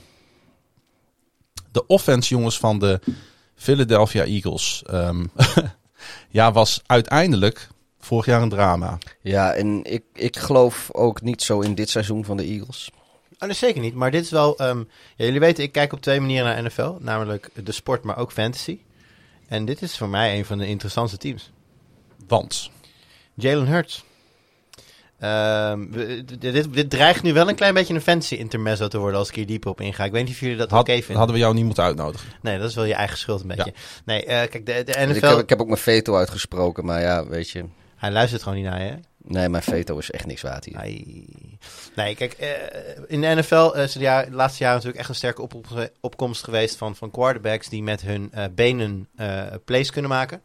En nergens is, dat, nergens is dat belangrijker dan in fantasy voetbal. Want daar krijg je eh, punten voor en een, eh, een, een eh, touchdown die je zelf over de lijn rent, is meer waard dan een touchdown waarbij je de bal gooit naar een receiver die hem voor je vangt. Wat dus betekent dat quarterbacks die ehm, zelf kunnen rennen en kunnen scoren in fantasy voetbal veel belangrijker zijn. Mhm. En Jalen Hurts is, ja, wat dat betreft, een, een beetje een type Lamar Jackson. Met, dare I say, een betere worp in zijn, eh, in zijn arsenaal. Ehm, en eh, ik, ik, ik heb de exacte statistiek even niet voor me, maar in de laatste, eh, ik geloof vijf weken van het vorige seizoen, hoorde Jalen Hurts ook standaard bij de top vijf quarterbacks voor fantasy voetbal. Daarnaast gelden de Eagles niet als een... eh, ja, hè, kijk, als je naar de, de Chiefs of de Buccaneers gaat kijken of zo... dat zijn veel scorende franchises, dus al hun, spe- al hun spelers zijn eh, populair. Dat is bij de Eagles niet zo. Mhm. Dus je kunt hun spelers, een Miles Sanders bijvoorbeeld... vaak op een redelijke discount krijgen. Hè, wat betekent dat je hem niet in de eerste paar rondes van je, van je draft hoeft te pakken... maar je kan hem wat later oppikken. Ja, dat maakt eh, de spelers van de Eagles heel interessant. Ik vind dan, als ik, mag ik wat tegenwerpen? Tuurlijk, doe je ding. Ik heb wel een probleem met de fumbles van, eh van Hurts. Want dat gaat je Ja, wel weer punten was- kosten. Absoluut, maar dat, Negen fumbles, hè? Twee is- minder dan de league high. is- is- terwijl hij 30% van de snaps speelde. Maar is dat niet ook een klein beetje gewoon eh, een beetje rookie jitters? Het is een kwestie van ervaring. Een slechte center. Mm, was, was, Ja- een, was, een Ja- star, was, Jason Kelsey. was een start. Ja, is die slecht? Vind je die slecht? Ja, vind ik een matige center. Oké, ja, ik vind hem altijd wel heel kleurrijk. Ja. Jij bent ook kleurrijk, eh, Jur. maar ik ben zeker niet slecht. nee, nee, maar ehm, eh, ja, nee, wellicht heeft dat er ook mee te maken. Als Hoe, eh, bal hoe niet- kwamen die, eh, want ik, ik moet zeggen, ik heb lang niet alles van de, van de Eagles gezien. Hoe kwamen die fumbles? Was dat, eh, was dat in play of was dat bij de snap al? Van de negen eh, eh, snaps kwamen twee tot stand door eh, slecht centerwerk. Ja, wat Dus kan- zeven kwamen op zijn eigen naam vind te ik nog staan. steeds niet zo heel veel. Mm, 30, 30 Nee, maar van van- alle snaps gespeeld deze. Luister, Ja, maar wat je vaak hebt... Dat vind ik dus niet de fout van die center. Twee, dat is twee keer de fout van de center. Dat wil ik wel Ja, zeggen. twee keer. De is zijn eigen fout. Dat is te veel. ja, Tuurlijk dat is te veel. Maar, en dat is de grap, dat is alleen maar erg in de echte NFL. Want voor een fumble krijg je misschien volgens mij min 1 of min 2 punten in Ah, fantasy voetbal. Dus dat maakt niet uit. Dat heb je op zich. Ja, maar goed, en, inderdaad, in de echte NFL telt het wel. Maar, en ja, dat is, dat is waar het om gaat natuurlijk. Maar wat je vaak wel ziet is, kijk, ik moet ik eerlijk zeggen, ik, ik weet niet meer van welke eh, college eh Hurts komt eh, uit mijn hoofd. Maar eh, wat je wel vaak ziet is dat, eh, kijk, als die snaps komen, als, als ze bijvoorbeeld, eh, eh, of die fumbles komen bij een snap vanuit shotgun bijvoorbeeld. Ja, je hebt heel veel college quarterbacks of heel veel college programma's die spelen eigenlijk alleen maar under center en zelden shotgun. Dus eh, dat is dan iets dat moeten die spelers dan eh, vaak in hun eerste seizoen nog leren. En daar gaat nog wel eens wat mis, om maar wat te noemen. Maar ja, ik, ik weet niet wat, eh, wat de oorzaak is van Ja. die fumbles bij... eh, En er komt nog één ding bij bij Hurts. Ik heb constant, ik kan niet, en dat, ik denk dat het ook zo is. Misschien dat jullie het kunnen beamen, tenzij jullie er een andere visie op hebben. Heb ik het idee dat Hurts gehaald is, niet als quarterback, maar als backup quarterback. Toen, toen ter tijd. Ja, maar, En nu noodgedwongen Oké, eh, dit is- dit is wel- franchise quarterback moet worden. maar dit is wel een beetje de Godwin onder de vergelijkingen natuurlijk. Maar uiteindelijk hebben de Patriots Brady ook niet gedraft tot 199 omdat ze dachten dat hij een franchise quarterback zou gaan worden. Nee. Je Nou, weet niet altijd wat je in huis had. Je, je, je, je, ze draft- hadden Ja, niet maar- kunnen voorzien wat er met Wentz ging gebeuren. Ja, maar je draft... Je, nee, maar dat is absoluut waar. Op- En Toen, Vols. toen, Hurts, Ja, maar ik toen bedoel- Hurts werd gehaald, toen dachten zij nog dat dat Wentz in principe gewoon Precies. voor de te voorzien. Ja. Maar, en dat, is, hè, dat, dat weet iedereen, je weet niet hoe het gaat lopen. Blessures gebeuren. Kijk naar Andrew Luck, weet je wel. Die, die zou eigenlijk nu nog steeds een van de toonaangevende quarterbacks moeten zijn. Ja, career-ending eh, injuries. Weet je, dat kan... Dat kan oh, toen Hurts werd gedraft trouwens, had Wentz al wel gewoon zijn eerste zware knieblessure gehad. Hè? Die hele die, die, die season-ending ACL, die had hij toen al lang gehad. Dus zij hadden al wel een... Ja, net zoals een, een Love die gehaald wordt achter Rodgers. Je moet altijd wel een capabele tweede, tweede man hebben. Maar dat zij niet hadden verwacht dat Hurts nu al hun startende quarterback zou zijn, ben ik met je eens. Alleen ik denk wel dat zij in hem iets hebben gezien waarvan ze denken van wacht even, hier kunnen we wel bouwen. Ja, maar inderdaad niet, niet, niet franchise quarterback kaliber. Want dan hadden ze hem wel veel... Ja, Nee, zo hebben ze hem niet gedraft, maar dat kan hij wel zijn. Ja, nee, dat klopt. Want ik bedoel, Russell Wilson, Dak Prescott, dat soort, dat soort jongens natuurlijk ook in de derde ronde pas gedraft. Nee, je noemde net Brady inderdaad. Hm. Kijk, als dat soort teams als... Kijk, dat is de minderheid eh, natuurlijk. Het is eh, geen schering en inslag. Maar als de Seahawks of de Patriots of de Cowboys... als die hadden geweten eh, wat, wat voor spel de, de, de Prescotts en de Wilsons en de Brady's toen in staat zijn... dan hadden ze nooit tot de derde ronde of zelfs de zesde ronde volgens mij voor Brady. Brady. Brady is Ja. 199 Dus pick in zes, de ja, zes- zesde ronde. ronde. Eind zesde Maar goed, dan, dan, daar, dan waren dat allemaal eerste ronde picks geweest. Da- da- Daar ga je Tuurlijk. niet het risico nemen dat die. Maar goed, ja. Ze hebben zich nog wel een klein beetje ingedekt in Philly. Ze hebben Joe Flacco. Een, eh, Die, die, eh, ik, eh, Elite, Ik vraag Joe je, Flacco. ja, en ik, dit wil ik even vragen. dit is Elite, ja? Nee? ja, natuurlijk. ja, ja. Ja. Ja, Elite, oké. Ehm, dat zijn er hoeveel? Ne- dat is net zoveel als Aaron Rodgers, toch? Eén Super Bowl? Dus Ja. eigenlijk is Joe Flacco precies net zo goed als Aaron Rodgers, wat je zegt. Bedankt. Oké, nee, dan hebben Ja, we dat even. sowieso. Ik wil het gewoon even voor het nageslag, gewoon even duidelijk hebben dat dat gewoon nu klaar is. En hij staat achter de bar bij proeflokaal Hooghout. Ja, dat Joe klopt Flacco. ook. Joe Flacco staat daar. Ze gaven Joe Flacco 3,5 miljoen dollar gegarandeerd. Vind ik nogal wat voor eh, een speler op, eh, in de absolute winter van zijn carrière. En ze voegden Nick Mullins toe. Die toch niet onverdienstelijk bij de 49ers ballen heeft gegooid volgens mij. Dan die run game van de Eagles. Jij begon er al even over. Miles Sanders. Eh, ja, vorig jaar een absolute home run hitter hè. Ik heb niet... We hebben het nu weer over de Phillies. Ik heb niet idee dat hij toch een... eh, Toch een ik, ik had helemaal niet zo'n topjaar heeft gehad, maar... Nou, in ieder geval had hij drie runs van meer dan 50 yards. Oh, op die manier. Ja, ja, nee, dat Ik wel. bedoel met home run hitten van dat hij, als Ja. hij eenmaal weg is, dan is hij ook weg. Ja, ja als, hij, als, hij, als, hij, als hij zeg maar blijft lopen en niet stuk gaat onderweg, dan is hij heel goed. Ah, en hij in, eh, in success rate, en dat is toch ook altijd wel interessant naar te kijken van hoeveel eh, yards zet je in is niet zo interessant, maar hoeveel effectief zijn die yards geweest, rankte hij 15e onder 70 running backs.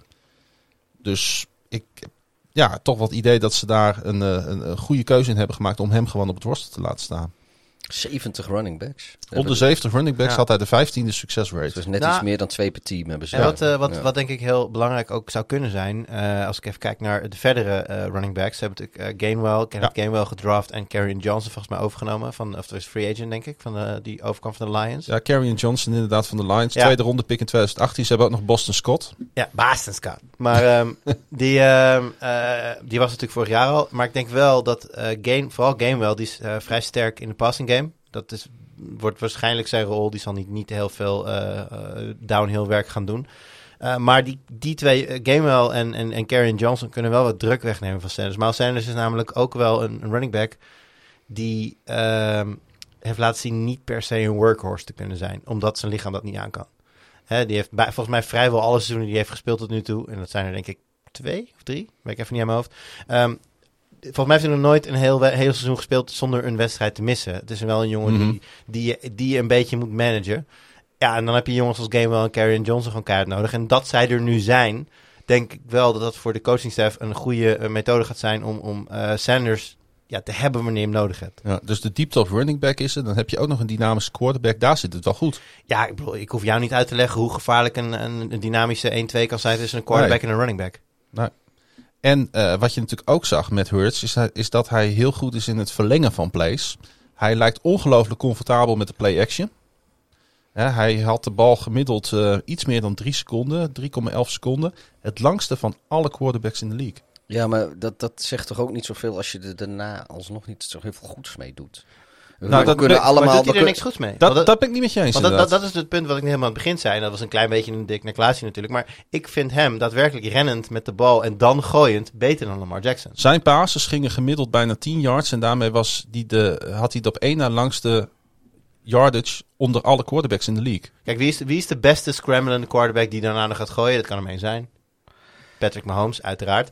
Maar ik vind Hurts, hij zit niet in de buurt van dat niveau, maar hij kan daar denk ik wel komen. Hmm. Hij houdt, terwijl hij rent, houdt hij overzicht. En hij heeft een vrij accurate arm. Niet, niet Mahomes-like, maar wel, ja, gewoon wel top-level van, van, van in de NFL. Ja, ben mee eens. Dus op het moment dat, hij, dat je hem de kans geeft om plays te extenden en, en ehm, ja, zeker als zijn connectie met, met Devante Smith een nieuw leven geblazen kan worden daar. Ja. Eh, en ik verwacht ook een, een, een, een- ik verwacht nog steeds een doorbraakseizoen van Jalen Rager. Dus ik denk echt wel dat daar eh, kwaliteit in zit hoor. Ik weet niet, ik, ik, ja, ik, ik ben niet, niet eh, ik zit niet op de, op de Hurts bandwagon. Ik zit op, eigenlijk op geen enkele bandwagon. Everybody hurts, maar jij niet. Nee. Nee, ja, weet, ja, weet je, hij heeft wel wat, wat, wat eh, goede dingen laten zien, maar er zaten ook zulke boneheaded throws bij af en toe. Maar de man was een, was een Ja, dat- nee, dat Of- klopt. Of, een tweedejaars, weet ik niet eens. Nee, dat, dat, dat klopt ook. Alleen, zeker als je zoveel tijd hebt. Als je, dan ga je eerst heel veel tijd creëren voor jezelf. En dan, ja, ik weet niet. Ik, ik, ja, nee, ik, ik, ja, ik heb ook verder helemaal geen statistieken ervoor. Het is gewoon eh, mijn, de, de, de, de eye-test eh, wat ik van gezien heb. is toegestaan hoor in deze podcast. En, eh, kijk, ik was, weet je, ze hebben, ik, ik heb vorig jaar, een van de dingen die me wel bijgebleven is, is dat de Eagles tegen de Packers speelden volgens mij. Met, met Hurts. En dat leek heel lang heel goed te gaan. Maar uiteindelijk wordt dat gewoon, ja, ik weet niet, het, het, het stort in één keer allemaal een beetje in, zoals ik me dat herinner. Maar goed, ja, misschien, eh, misschien heb ik die wel helemaal mis. Ik, eh, we gaan het zien. Die offense zag er bij tijd en waarde niet al te best uit. Eagles defense daarentegen. Wow. Ja, maar dat is, Gemiddeld hè? dat is ook wel het maximale wat je erover kan zeggen. Mwah. Ja. Nou ja, dertiende tegen de run uiteindelijk. Ja, dat is oké. Eh, Jonathan Gannon kwam. Hij neemt eh, de taken over van eh, Jim Swartz. Gannon komt voort trouwens uit de Mike, Mike Symmetry. En hij kan werken denk ik met een goede line, waar ook diepte te vinden is. Was Ik, dat, was dat, je zegt Mike Zimmer. Was dat die coach die, vorige, die afgelopen week dat legendarische interview aan de, aan de zijlijn gaf... waarin hij zijn team volledig tot de grond aan afbrandde? Ja, in, eh, in Minnesota. Ja, van eh, ja, dit was slecht en dat was slecht en zo was slecht en dit hebben we niet goed gedaan en dit was kut. En eigenlijk was dat ook slecht, maar verder ging alles goed. Dat was een beetje de samenvatting van het Ik heb het niet gezien. Nee, maar eh, ja, dat, dus, het ging een beetje raar bij de Vikings. En eh, het gaat de hele, hele pre-season al raar bij de Vikings. Ja. Want als het een quarterback niet is die, die begint over... wat was het, plastic glas eh, aquariums waar hij in wilde zitten of zoiets... eh, zodat hij zich maar niet hoefde te laten vaccineren. En dan en inderdaad dit, dit ja, kolderieke verhaal van, eh, van Simmer. Ik heb het niet gezien, ik heb er wel over gelezen. Maar goed, we hebben het niet over de Vikings eh, deze keer. Nee, Maar- we hebben het over eh, de Eagles, die volgens mij best wel een leuke defense hebben staan. Ik ben wel fan van Steven Nelson, die ze hebben gehaald van de Steelers. Die een duo vormt met Darius Slay. Eh, ze hebben volgens mij twee goede, betrouwbare safeties op het veld staan met Rodney McLeod en Anthony Maar Harris. Is dat McLeod? Van de, McLeod? van de McLeod? Mc- McLeod van Nee, nee, nee, the nee, Only nee. One? Dat niet. En eh, eh, ik denk dat, dat ze daar beter gaan doen. Maar overall, jongens, de Eagles, het is het net niet, hè? Het is het net niet, maar wel beter dan de Giants. Ja. Ja, ik denk, Dat- wel, dat ik denk waar. wel, we moeten het laatste stuk nog een beetje bespreken hier, maar ik denk wel dat het wel maximaal haalbaar is hoor, voor ze. De derde plaats dus. ja, ik denk het ook. Is dit het moment dat we komt- naar de voorspelling? Ja, maar er komt, eh? er, Ja. komt, er komt natuurlijk draft capital, capital aan in 2022. Hè? ja, dus het ja, nee, bouwen maar- gaat wel door. Ja, maar kijk, maar kijk, kijk naar. Ga, ga gewoon alleen even op offensive het lijstje af. Hè? Hurts, net begonnen. Smith, rookie. Jalen Rager gaat zijn tweede seizoen in. Ehm, Sanders, wat gaat zijn vierde seizoen, denk ik. Gamewell, rookie. Dat zijn, al, dat zijn je, je skill players en je quarterback. Die zijn allemaal vierdejaars of jonger. Ja. Dan krijg je drie first... Dus hebben we drie first rounders komende, komende draft. Als het mee zit. Ja. Nou goed, als, goed, zeker twee dan, denk ik. Zeker twee. Dus Misschien die- drie. daar, daar zullen ze iets met defense mee gaan doen, heb ik zo het idee. En misschien hun offensive line. Eh, ik denk dat dit, dit, dit wordt gewoon een leerjaar voor, voor, voor Philly. Die zitten, Ja. echt, die zitten gewoon op te warmen voor, voor Ja, 2023. en een beetje minder blessurepech is ook wel gegund wat dat betreft. Hè? Ja, maar dat, dat, dat geldt overal. Hun- uiteindelijk, Hun offensive linemen misten gezamenlijk vorig jaar 40 wedstrijden. ja.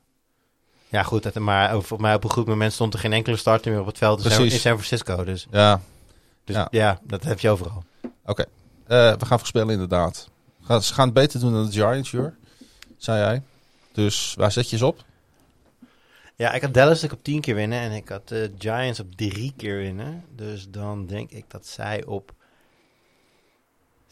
zes of zeven, mm, zes. Ik ga ook voor zes overwinningen voor de... Niet om het eh, saai te maken, maar ik had het al eh, in mijn hoofdje. Pieter, hoeveel overwinningen voor eh, de Philadelphia Eagles? Vier. Lijkt me mooi als hij ineens zegt nul. Oh, vier. Vier. God, valt niet mee. Het valt niet mee om met deze divisie te beginnen. Ja. En daar een beetje een coole podcast over te maken. Ah, gelukkig komen, komen er straks eh, betere dingen. Ja, dat is waar. Straks. We gaan het over Washington hebben. Nu al? Ja. Oh ja, hier zijn we al. Ik heb trouwens een, al een 0-17 voorspelling gedaan. Hè? Voor, Ja. eh, Oeh, die heb ik gemist. in de, de, die zat, dan mag je raden welk team. Het is een AFC-team Ja. Texans natuurlijk. Ja. Maar dan ga je er wel vanuit dat Watson niet speelt, toch? ja, die gaat ook niet spelen. Nee, maar als hij wel speelt, is het dan ook nog steeds... Oh, Die- maar die gaat niet spelen. Nee, maar als hij wel speelt? Hij gaat niet spelen. Ja, maar Dus vraag, het is- dat vraag ik niet. Ik vraag, als hij wel speelt, dan... Nou, dan winnen ze misschien wel twee potjes. Ja, precies. Oké. Zullen we naar FedEx Field? Ik wil altijd naar FedEx Field. Waar eh, jarenlang iedereen zich wel eens achter de oren krabde. En daarna de ogen uit de kop. Maar vorig jaar en dit jaar lijken de roster moves van Washington voetbalteam zo waar ergens op te slaan. Na een playoff season bekeek Washington diverse quarterback opties. Maar maakten ze uiteindelijk geen drastische keuzes en tekenden ze Ryan Fitzpatrick met een eenjarige deal. Daarmee is voetbalteam een competitief team in 2021. En dan kan de quarterback situatie na dit seizoen wel weer opnieuw bekeken worden. Op papier werd een al sterke defensie nog getalenteerder. Washington liet cornerback Ronald Darby gaan in free agency, maar verving hem door William Jackson. eerste ronde pick van de Bengals in 2016. Het team draftte in de eerste ronde linebacker Jamin Davis. De offensive line werd gereshuffled en ze tekenden wide receiver Cortis Samuel. Natuurlijk voormalig speler van de Panthers. Toch is een snelle evaluatie van Washington incompleet zonder uit te zoomen en naar het grotere plaatje te kijken. De NFL was helemaal klaar met de vergiftigde cultuur binnen de organisatie. Er kwam een boete van 10 miljoen dollar, maar Dan Snyder is nog steeds de eigenaar. En daardoor zullen er maar weinig fans zijn die echt vertrouwen hebben in een stabiele toekomst. De laatste keer dat de franchise back-to-back NFC East titles won was in 1983 en 84. Vorig jaar waren ze de gelukkige winnaar van een matige divisie. Moeten we ze dit jaar serieus, serieus nemen? De defense van Washington zou ik uh, heel serieus nemen. De offense, ja, dat, dat is nog steeds geen, dat zijn geen pottenbrekers. Nee. Maar uh, ja, ik denk wel dat, uh, dat de defense, die kan het werkelijk iedere, ieder team moeilijk maken. En dan moet je wel een hele getalenteerde aanval hebben. Wil je daar. Of zelf een hele goede verdediging. Maar ja, ik, ik denk dat ze, dat ze best uh, her en der wel voor, voor wat sensatie kunnen zorgen. qua ja. qua, qua overwinningen pakken. Ik denk dat zij, de, ik denk dat zij de, de divisie gaan winnen. Oh ja, dat is denk ik niet een, een, een, een, nou ja, in, in, mijn wereld, in mijn wereld, waar ik, waar, waar ik de Cowboys 10 en 7 heb gegeven, betekent dat het dus dat, dat, dat Washington in ieder geval daar over, overheen moeten. Dat zij, ja, of dat in ieder geval ja. ook 10 en 7 en een tiebreaker natuurlijk. Precies. Ja, maar dat zie ik zo. Nou ja, kijk, ik, ik ga even terug naar afgelopen seizoen. En uh, met, met Heineken als quarterback hebben ze bijna... Ik, nou goed, het was uiteindelijk nooit echt spannend, maar het bleef close tussen de latere Super Bowl winnaar Buccaneers. Zeker en, en Heineke en zijn, en, zijn, en zijn voetbalteam. Dus ja, kijk, Fitzpatrick zal bij niemand uh, snel aangemerkt worden als een top 12, top 15 quarterback. Maar is hij beter dan Heineke? Ik denk het wel. Is hij, erva- is hij meer ervaren? Kijk, hè, we hadden het, toevallig, hè, wij hebben ook een leven voor de show. En we hadden het voor de show met elkaar over uh, hoe uh, Jared Goff aangepakt werd door diverse teams in, in, in, in het jaar dat de Rams naar de Super Bowl gingen. En het ging het erover van, hè, op een gegeven moment dan, dan sluit de communicatie tussen de quarterback en de head coach. En dan moet de quarterback het zelf doen. Ja. In die situaties gaat een de Heineken natuurlijk iets compleet anders zijn dan, dan Fitzpatrick. Ja. Als Fitzpatrick het niet snapt, dan denkt hij bij zichzelf van ik gooi de bal gewoon richting de endzone en ik zie wel wie er achteraan rent. En dat vind ik een hele gezonde instelling voor een quarterback. Ja. Ja, ik denk juist die kwaliteit is er bij Fitzpatrick. Want dat was ook een van die redenen dat hij in Miami uh, er in één keer weer uh, in werd gezet ten, ten faveur van... Uh, of te, ten koste van, van Tua. Tua.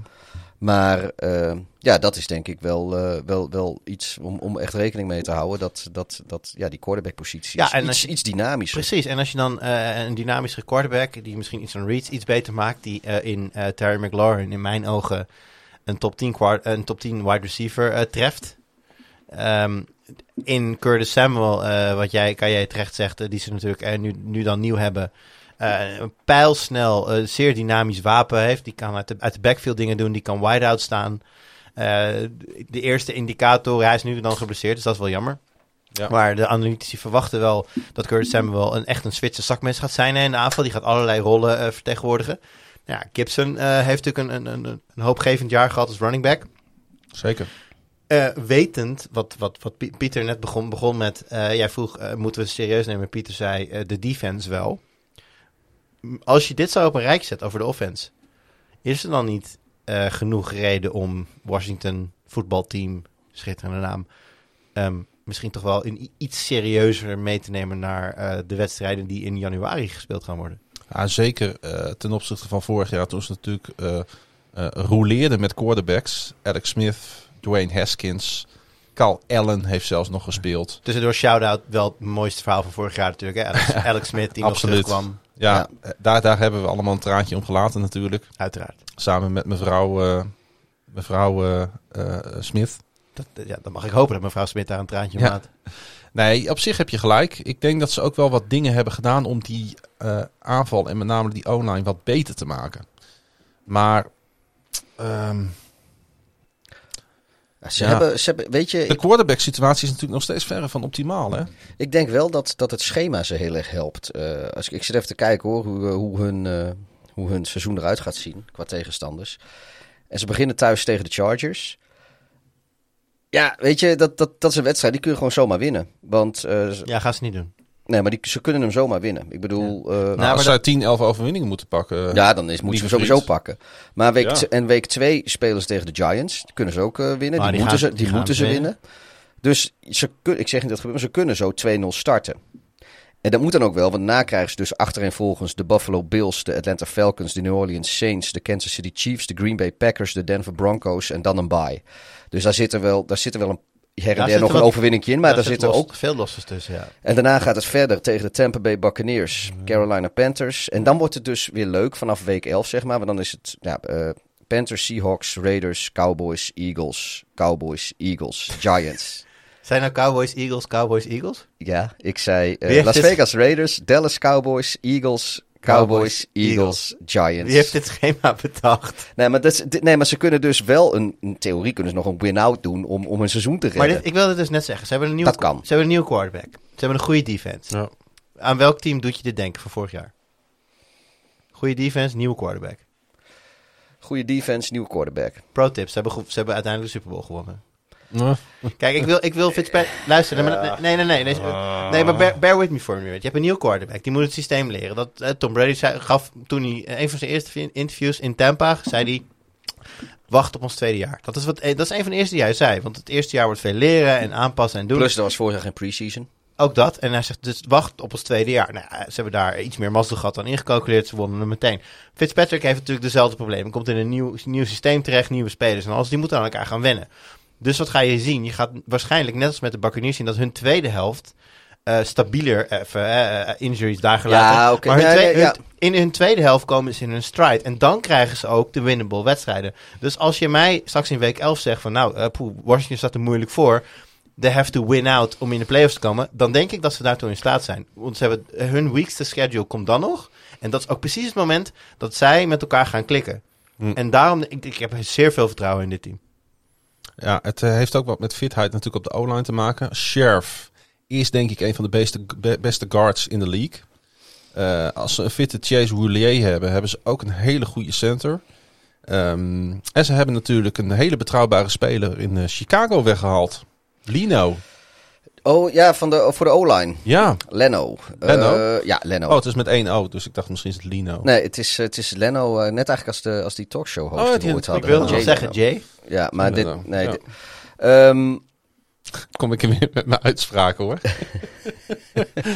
ja, net als... eh dit is McLeod net. Dat is hetzelfde als van There Can Be Only One. Nee, maar die Leno heeft eh, de afgelopen zes seizoenen geen enkele wedstrijd gemist. Nee, eh, het is, ik, ik moet eerlijk zeggen, ik had hem ook liever.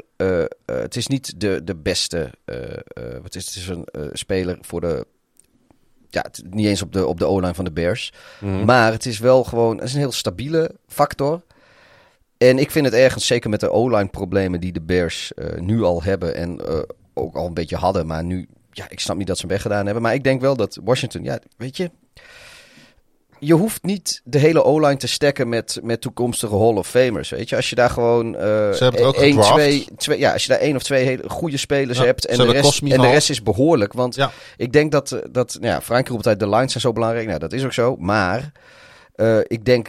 De, de, vooral de O-line, meer nog dan de D-line, is iets waar, eh, eh, waar spelers heel snel, als ze complementair zijn aan elkaar, dan hoeven ze individueel zeg maar niet de beste te zijn op hun positie. Of wat ik zeg, toekomstige Hall of Famer of wat dan ook. Want ik denk dat juist op de O-line is de, eh, is de som der delen. Of wat is het ook alweer? Wat zou ik zeggen dat? De, de, de, het is meer dan de som der delen, Ja. de kwaliteit van. En ik denk Ja, dat de O-line echt, echt. Ik snap de- wat je wil zeggen, maar je hebt, me net, je hebt me net een Siberia join or die biertje gegeven. En vanaf dat moment eh, ben ik minder scherp geworden, heb ik gemerkt. Is hij sterk? nou, of het is de zoveelste. Ja, ik, heb iets, ik heb iets uit Polen gekregen. Ja. Dat, ja, dat, jij krijgt straks nog je Siberische biertje en dan jij krijgt nog wat Pools. Smaakt goed hoor. Maar dan toch even eren aan wie eren toekomt. Die defense jongens, met name tegen Ja. paas natuurlijk. Van ongekend hoog niveau in de NFL. Ja, nee, zeker. We, we, ja, goed, op dat moment wisten we natuurlijk nog niet dat de Buccaneers doorgingen eh, naar de Super Bowl en, en, en de Packers en de Saints nog zouden gaan uitschakelen. Maar iedereen had toen zoiets van, ja, het, zijn maar, het is maar Washington. Maar als je terugkijkt, hebben de Buccaneers daar misschien nog wel de meeste Ja, ik mee denk, gehad. ik denk dat, dat voor hun was dat achteraf in postseason de moeilijkste wedstrijd. Ja, Eh, wat- bizar als je, het- als je, als je die tegenstanders op rij ziet. En, Ja. en, en de Huis- dan denk je van ja, dat is toch... Kijk, nu hadden Raar. de, de Saints die hadden natuurlijk de pech dat het de derde keer was dat ze tegen Tom Brady moesten. en die ga je gewoon niet drie keer pakken.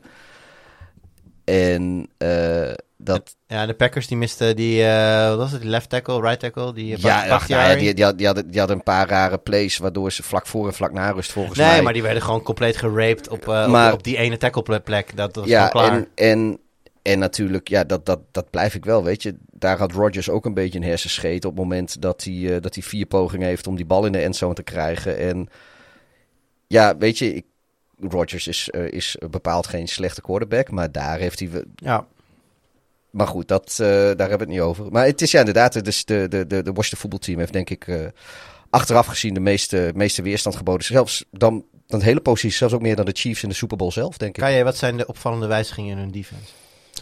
In de defense, nou, eh, k- vooropgesteld dat ze ongelooflijk loaded zijn. Eh, weinig. Het enige waar ik me over gebogen heb is de derde corner spot op het, op het roster. Dat is het enige waarvan ik dacht, hmm, weet ik niet. Ze hebben daar een... ehm, Ze hebben geen diepte op eh, cornerback, bedoel je dus. nee, da, Dus da- als daar wat misgaat... als daar wat dan, eh, misgaat, dan kan het snel, eh, dan kan het snel daar wat minder worden. Aan de andere kant heb ik, ben ik ongelooflijk fan, en die heb ik al een keer in de podcast genoemd, van Cam Curl. Weet je dat nog? dat, ik, ik, dat Een rising talent.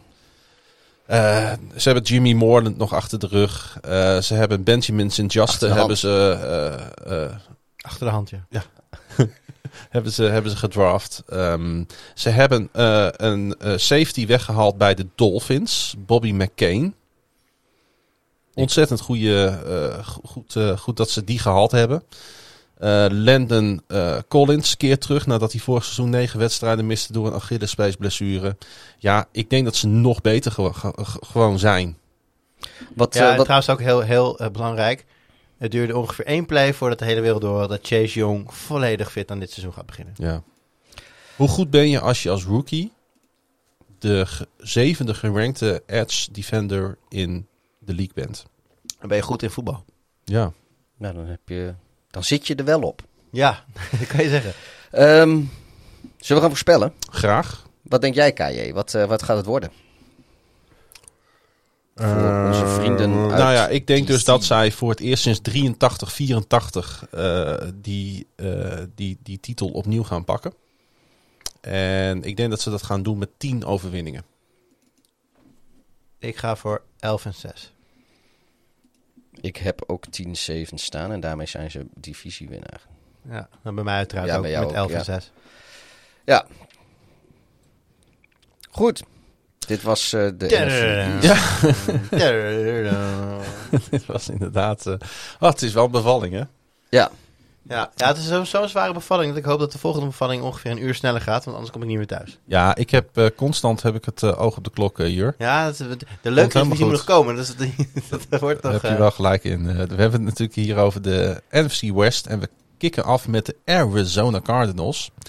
Vorig jaar hadden we toch wel de verwachting dat de aanval van de Cardinals de leap zou kunnen maken. Kyler Murray en Cliff Kingsbury begonnen aan jaar 2. En het team had getrade voor DeAndre Hopkins. Arizona was een trendy pick, tenminste voor mij wel, voor de playoffs. Maar tot vele verrassing ging de aanval erop achteruit. Van 13e naar 19e unit in de league. Als de defense niet boven eh, hun kunnen had gespeeld. En vooruit die ongelofelijke Murray Hopkins, Hopkins Hail Mary. Had er nog veel matiger record op de rangschikking gestaan. Dus waar staan de Cardinals nu? General manager Steve Keim voegde een legertje veteranen toe. J.J. Watt, A.J. Green, Rodney Hudson, Malcolm Butler. Het lijkt erop dat Keem met ervaring probeert naar een championship window te bouwen. Terwijl Murray nog op zijn rookie contract speelt. Maar wat is eigenlijk hun blueprint eh, om weer een stap vooruit te doen? Eerlijk, dit team is boom or bust. De defense is gemiddeld, wellicht zelfs iets boven gemiddeld. Maar als Kingsbury niet als de gestreepte aap uitvindt hoe de offense effectiever opereert, liggen er bij de franchise komend offseason een paar lastige vraagstukken te wachten. De Arizona Cardinals, jij hebt hun eh, jersey aan. Hoe voelt Ja. dat? eh, raar. ja, ik vind het ook raar. Ik heb, ik heb ook zelden iemand in mijn leven in een eh, Cardinals jersey gezien trouwens. Ik ken volgens mij, ik heb volgens mij één, ja, ooit in de studio bij Fox heb ik volgens mij als een Cardinals fan gezien, maar dat, eh, Ja, ze zijn niet- dun gezaaid in Nederland, ja, hè? nee, dat geloof ik, ja. Ehm, ja, zag ze natuurlijk eerder in het verleden nog wel eens, eh, eh, volgens mij, her en der lopen in de stad, in, eh, in Amsterdam dan. Omdat hij natuurlijk eh, ooit, eh, eh, die, die quarterback die van de... Kurt Warner, ja, Kurt uiteraard. Warner Nee, heeft een tuurlijk, Super Bowl eh, mee gehaald. nou ja, goed, ik denk dat de grootste Want- claim to fame van de, van de, van de, van de, van de Amsterdam Admirals zijn denk ik wel Kurt Warner en Adam Vinatieri. Ja, en eh, ja, En, en, en Warner uiteraard eh, daarna nog. Spurgeon eh, win. zeer, zeer eh, succesvol quarterback nog bij de Cardinals geweest inderdaad. Ja. Nee, maar ehm, ehm, mag ik vooropstellen, Kyler Murray, een van mijn favoriete quarterbacks om naar te kijken. Ja. Vooral als hij begint te rennen. Dat is ook, zo- ja, een hele korte beentjes Je, hebt dat hij te baby pig eh, gifje van als Kyler Murray begint te rennen. Heb je zo Ja. die beetje van zo'n van zo'n klein, Ja. eh, klein biggetje. Gaat alle kanten op. Heerlijk. Maar oh, wat is hij effectief. Met Ja. zijn benen. Ja. Oh, wat waren ze niet effectief genoeg afgelopen jaar. Ja, Ja. want ze, ze- ze- kunnen we gewoon stellen dat ze tegenvielen uiteindelijk. Ja, nee, tuurlijk. Eh, gezien het verzacht, ik bedoel, tegenvallen is eh, te- teleurstellend ten opzichte van je verwachtingspatroon. Verwachtingspatroon vorig jaar was torenhoog. Hij ging zijn tweede jaar in. Iedereen had zoiets verwacht van, nou, dit... Hij heeft natuurlijk wel, het, het- weet je, ze, stevenen relatief simpel op een, op een postseason plek af. Of tenminste, weet je, dat, Vorig daar leek, jaar. ja, daar leek het lang op uit te Dus draaien. notabene de Chicago Bears die ze eraf hebben gegooid. Maar, Ja, ja, nee, maar maar, dat, kwam, kreeg- dat kwam deels kwam dat natuurlijk omdat ze op een gegeven moment hebben ze, hebben ze ergens eh, in het laatste stuk van het seizoen hebben ze drie keer op rij verloren. Omdat Murray geblesseerd raakte. Ja, Eh, dat- in die, dat in die wedstrijd tegen de, tegen de Seahawks. Ik zeg, en ja, weet je, uit- daardoor ge- kun je het uiteindelijk weggeven. Eh, ze verloren toen ook nog een beetje knullig van de 49ers volgens mij. Die al door blessures toen gedecimeerd waren. Maar goed, eh divisierivaal en eh Kittel die was weer terug en die kreeg het direct op zijn heupen. Maar ehm, ik denk wel, ze, ze waren er wel echt heel dichtbij hoor. Het was, het was Ja. wel, het, het was Ja. vooral een beetje pech ook dat ze het niet gehaald hebben. Ja, weet ik je zeggen, die, die wedstrijd die Murray dan mist, dat, de- ik moet heel erg zeggen, die was... Hij heeft volgens mij niet gemist, maar hij was gewoon niet, niet zo goed. Volgens mij heeft hij wel alle 16 Ah, gespeeld eh, vorig seizoen, als ik me goed herinner. Nee, oké, dan heb ik toch. Ik, ik zat te denken van dat wist ik helemaal niet meer, maar dan, dan klopt het. Dan klopt maar het dat maar dat hij, was, ja, hij was een aantal wedstrijden was hij gewoon ja, Ja, hij was niet zo minder, mobiel minder meer. mobiel, ja, precies. Ja, dat, dan, en dan is het, maar dat zegt ook wel veel, hè? Want op, op het moment dat je niet meer echt kan rennen, ik bedoel, ehm, nou, ja, neem bijvoorbeeld Aaron Rodgers, die eh, extend ook met zijn benen. Maar op het moment dat hij niet kan rennen, is hij nog steeds wel gewoon een, een top 10 quarterback. Ik kan me een, eh, En- een openingswedstrijd een aantal eh, jaar geleden herinneren... waarin hij op één knie naar rust terugkwam onder de pijnstillers. En Nou ja, nog, dat bedoel ik. Een 17-0 achterstand wegpoetste. Murray is natuurlijk jong. Dit, dit is ook dit, dit, dit is iets wat je moet gaan oplossen dan met reads en, en, en een analyse in een wedstrijd. Kan hij leren, maar dat heeft hij nu nog niet. Als, hij zijn, als zijn benen wegvallen, is hij een mediocre at best quarterback. Ja,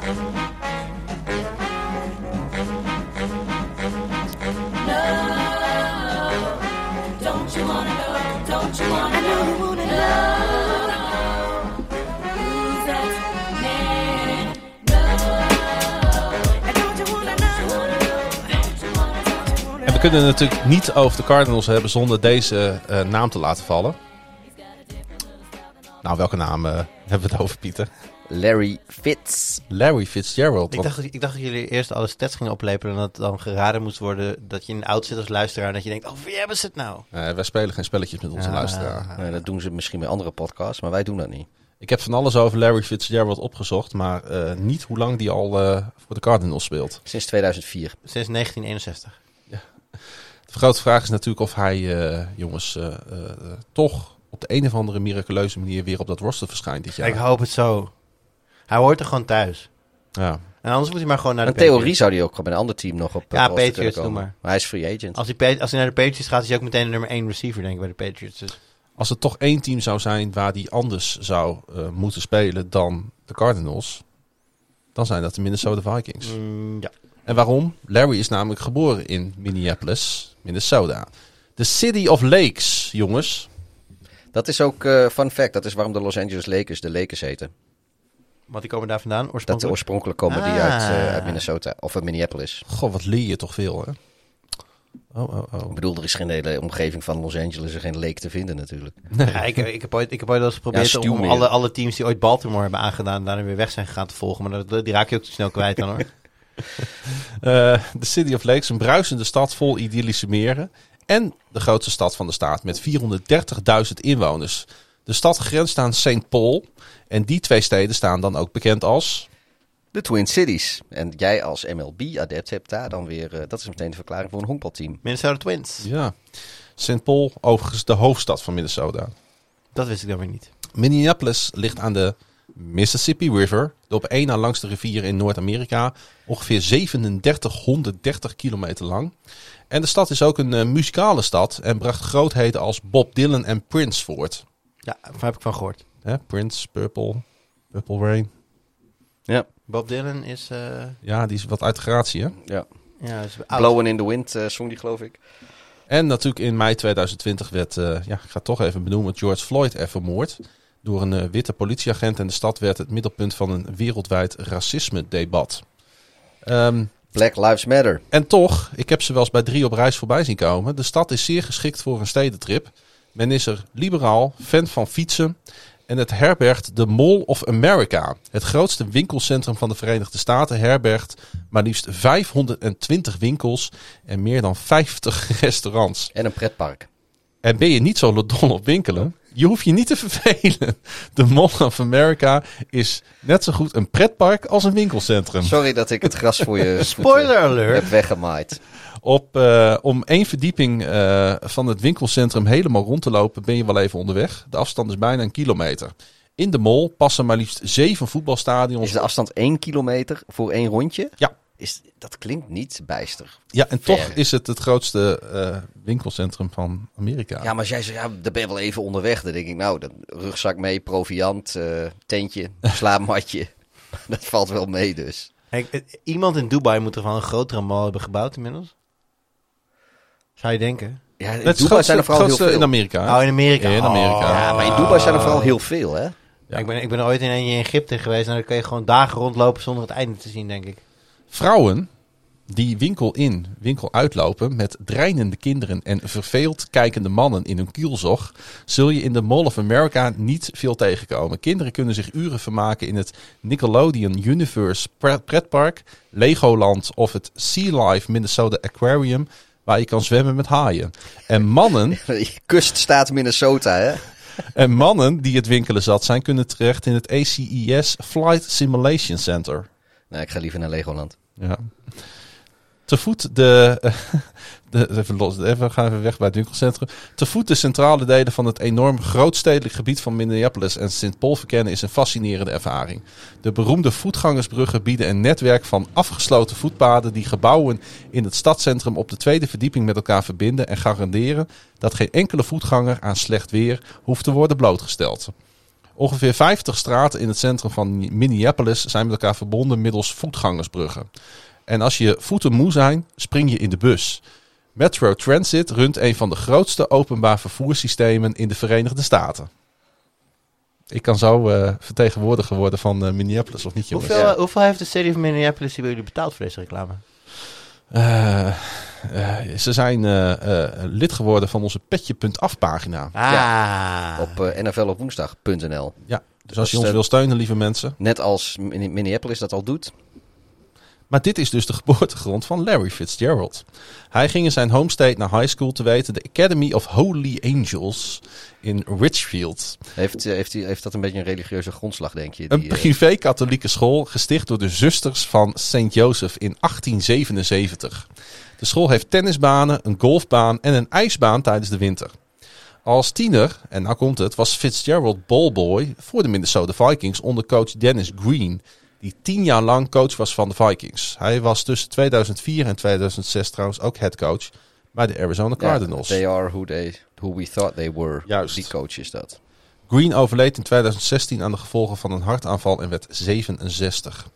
Green was voor Fitzgerald erg belangrijk. Coach Green gave me an opportunity of a lifetime to be around Chris Carter, Warren Moon, Joey Browner, Randy Moss en Robert Smith. I can go on and on.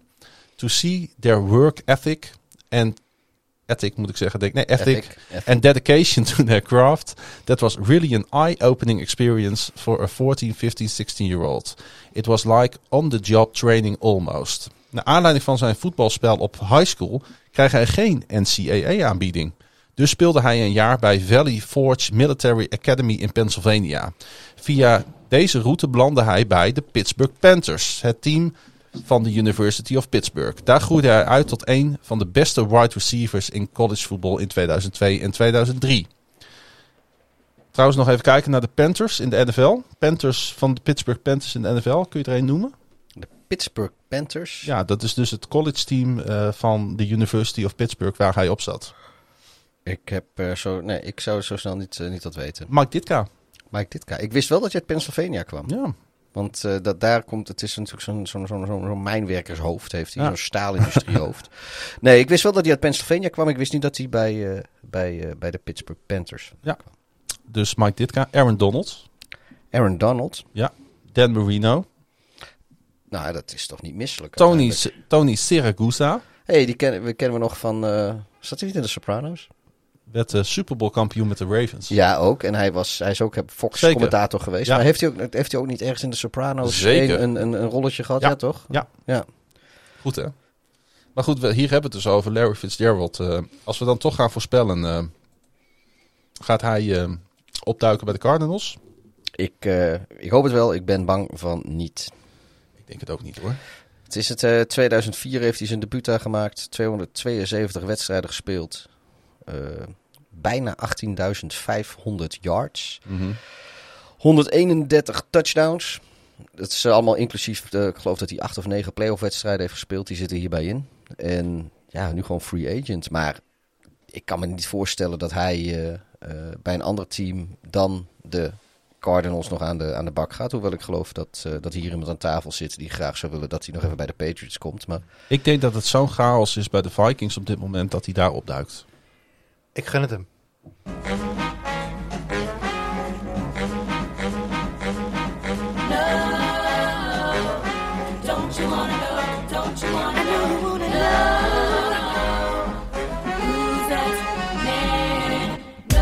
De Who's That Man van deze week, Larry Fitzgerald. Even terug naar de Cardinals eh, op dit moment, jongens. Ehm, ja, zij zijn een beetje... Ja, is het dan typisch die, die, die, die grijze muis in de NFL die slechts sporadisch een keer eh, verder komt? Ja, ik, ik vind ze in zoverre. eh, ik vind ze sportief best een grijze muis in de NFL. Eh, behalve in hun eigen divisie, want ook dat is zeg maar een beetje een broedermoorddivisie. En de, de Cardinals die zijn er altijd wel weer toe in staat om een Seahawks of een Rams of eh, misschien ook wel de Niners eh, een gevoelige nederlaag toe te dienen die, eh, die voor het hele NFC playoff plaatje in één keer grote, grote impact kan hebben. Maar op de een of andere manier heb ik op, momenteel nog steeds niet het idee dat de Cardinals zelf een eh, bedreiging zijn voor de rest van de NFC. Als ik dat zo eh, goed zeg, voor de rest van de NFL. Natuurlijk gaan ze hun wedstrijden wel winnen. Ja. Maar eh, Wat, wat vonden jullie van de komst van Green? Kansloos. Nee, volledig kansloos. Ja, waarom? nee, ik, maar de man, is, de man is 33. Mhm. Klopt, bij de start van het seizoen is hij 33. Met alle respect, maar dat, ja, er was beter voor minder geld waarschijnlijk. Hij was Ja, vorig jaar een van de minst effectieve wide receivers in de hele league. ja, maar mooi, maar hij is nu wel gewoon eh, eh, WR2. En niet meer WR1, wat hij zijn hele eh, leven Is hij gespeeld weer heeft. twee, denk jij? Ja, dat heeft hij zelf gezegd. Hij gaat met liefde. Ik ben ook podcast host 1 in Nederland. Nou, nee, maar ik Heb bedoel... ik zelf gezegd. Ik denk dat Kirk daar de WR2 is achter Hopkins. Ja. Zeker Green niet. Nou ja, goed. eh, nee, ik bedoel dus meer van dat hij eh, nog nooit eh, niet de WR1 geweest is. En dat hij nu gewoon zegt, luister, ik, ik, hij weet al dat hij zelf gezegd, ik ben niet de beste wide receiver op dit roster. Nou ja, goed, dat, dat, dat is dan wel zelfkennis. Maar ik denk dat, ja, ik, ik, ik weet niet of, of Green al zo ver over zijn... over zijn top heen is. Ik bedoel, de Bengals was natuurlijk ook gewoon een shitshow van een franchise. En er denk was weinig. En nu Ik denk dat hij wide receiver 5 is. Nou, ik denk dat Green best wel heel interessant kan zijn als je eh, als alle tegenstanders gaan hun beste eh, cornerback natuurlijk op, eh op DeAndre Hopkins zetten. Eh, ja, hij speelt automatisch tegen, tegen de minder goede cornerbacks. Waar die normaal bij de Bengals dus ook al niet meer tegen speelde. En dan kan, dan kan het best nog leuk Ik worden, denk dat hij denk ik hoor. speelt. Ik denk dat Christian Kirk, die speelde vorig jaar veel in de slot. Maar ik denk dat Rondell Moore heel veel goede... En sowieso heeft al goede inderdaad. Volgens mij heeft hij vijf, eh, 10 plus catches in zijn eerste game. Was wel pre-season. Nou, weet allemaal niet te veel conclusies aan verbinden. Maar ik denk dat hij iets explosiefs heeft in de slot wat, wat Kirk niet heeft. Ik denk dat Kirk daarbij nog best wel kwaliteit heeft om ook outside te kunnen spelen. Het moment dat ze dat gaan doen, zet Green op de bank. Ze hebben wel een goede O-line. Vorig jaar als derde gerankt als het gaat om eh pass block win rate. Met natuurlijk die Justin Poeg. Eh, een van de betere guards ook in, eh, in de league. Daar ligt het in principe niet aan. Maar je zag wel inderdaad een hele grote, heel groot verval tussen de fitte Murray en de niet fitte Murray. En daar ligt toch gewoon de sleutel, jongens. Absoluut, dat sowieso. Maar dat is bij elk team eigenlijk wel zo, hè? Quarterback moet fit blijven. Ja, en daarnaast heeft natuurlijk ook die defense prima gepresteerd onder Vance Joseph. Eh, uiteindelijk rankten ze tiende in defensive DVOA, negende tegen de pass, veertiende tegen de run. En dat terwijl de unit het op vier na meeste blessureleed had volgens Football Outsiders. Eh, ze hebben veel eh, veteranen gehad. Eh, Chandler Jones is natuurlijk een grote speler, maar heeft maar vijf wedstrijden vorig jaar gespeeld door een blessure. Hij is natuurlijk wel samen met JJ Watt, denk ik, een high upside pass rushing duo. Ik zei het al toen JJ Watt kwam. Toen zei ik van, wat kijk ik er naar uit om Chandler Jones en JJ Watt naast elkaar te zien staan. Nou, ze staan niet helemaal naast elkaar, maar je snapt wat ik bedoel als duo. Ja. Ja, het is alleen wel dat... eh, ja, op het moment is het wat, wat stil, maar... eh, Hij wil weet- wel weg, hè? Ik weet... Nou, dat, of hij daar, wil daar meer, is, daar is het dus, geld. Daar is het nu wat stil om. Ik weet nog steeds niet of hij überhaupt wel aan de start gaat staan dit seizoen. Want Sorry, hij heeft mis- eh, oh, wie? Chandler Jones. Oh ja. Die, die heeft zich ook een beetje afzijdig gehouden wat betreft training camp. Eh, daar is hij volgens mij nog niet echt langs geweest. Nog niet echt meegedaan. Hij heeft ook voor de komend weekend heeft hij, al- is er al aangekondigd dat hij niet eh, mee gaat spelen. Nou, nu is dat laatste op zich niet heel opzienbaar. Want als je ook al gewoon op camp eh, er niet bent. Dus ja, het, het zou me zo kunnen. Hij, hij zit in het laatste jaar van zijn deal.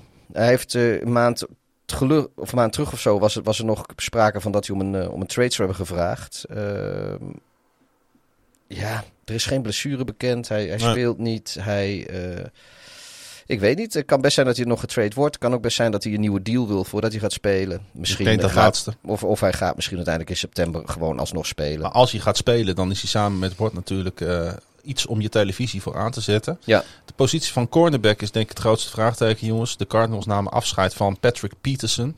Hij ging Oh, naar de Vikings. Oh, Als, zeker als, als Fitz ook niet terugkomt, is dat echt het einde van era. hoor. Ja. Pe- Peterson en Fitzgerald allebei weg. Eh, eh, Dree Kirkpatrick ook nog weg. Het zijn allemaal grote namen bij de Cardinals. En eh, ik denk dat ze daar een probleem hebben trouwens hoor. Ze op missen daar, eh, ja, daar missen Ja. ze echt heel erg, eh, heel erg veel diepte en talent.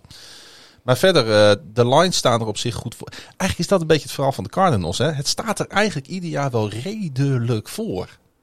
Nou ja, ja, op de lines, maar ik, ik ben wel met je eens. Ik denk dat de secondary echt tekort komt. Ja. Zeker ook eh, gezien de, de of, nou, daar komen natuurlijk zo wel op, maar de offensive firepower in de, ver- in de verdere divisie. Ja, weet je, wie gaat, wie gaat DK Metcalf stoppen dan? Eh, om maar even een Ja, ja. speler uit de divisie te noemen. Dat, ik zie daar, daar heb ik geen antwoord op. En ik denk dat daar het voornaamste probleem van de Cardinals ligt nu. Ja. Ja. en het probleem is natuurlijk ook dat ze hebben nu wel, eh, eh, ook met Watt voor wat het waard is. We hebben geen idee hoe die man nog gaat presteren. Maar die heeft volgens mij ook al jarenlang geen blessurevrij seizoen meer gespeeld, zo'n beetje. Nou, zijn piek, maar zijn piek Maar, niveau maar als is, is hij- er nog wel. Ja, precies. maar dat is maar drie ook- keer per seizoen. Ja, maar goed, stel dat eh, Chandler Jones en J.J. Watt allebei eh, spelen het grootste deel van het seizoen. En ze zijn ook allebei, eh, eh, benaderen ze hun, hun- de vorm zoals we ze kennen. Dan hebben ze echt een hele imposante pass rush. Maar dan heb je de pech net weer inderdaad. Dat, dat nou, enerzijds een goede pass rush, dat, dat kan een slechtere secondary wat maskeren. Zeker. Maar zij zit in een divisie met misschien straks eh, Trey Lance, die hartstikke mobiel is. Met Russell Wilson, die hartstikke mobiel is.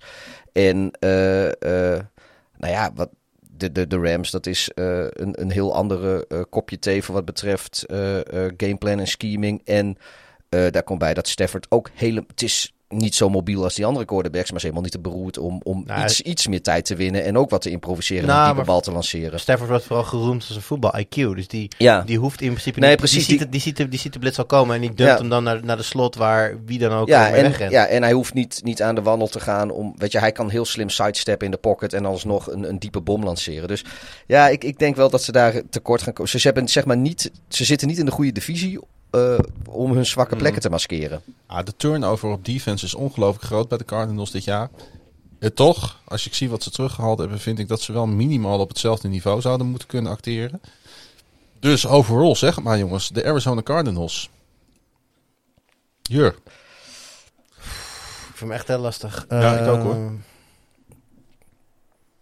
Ik zit bijna te denken dat die hele divisie wel gewoon over 500 eindigt.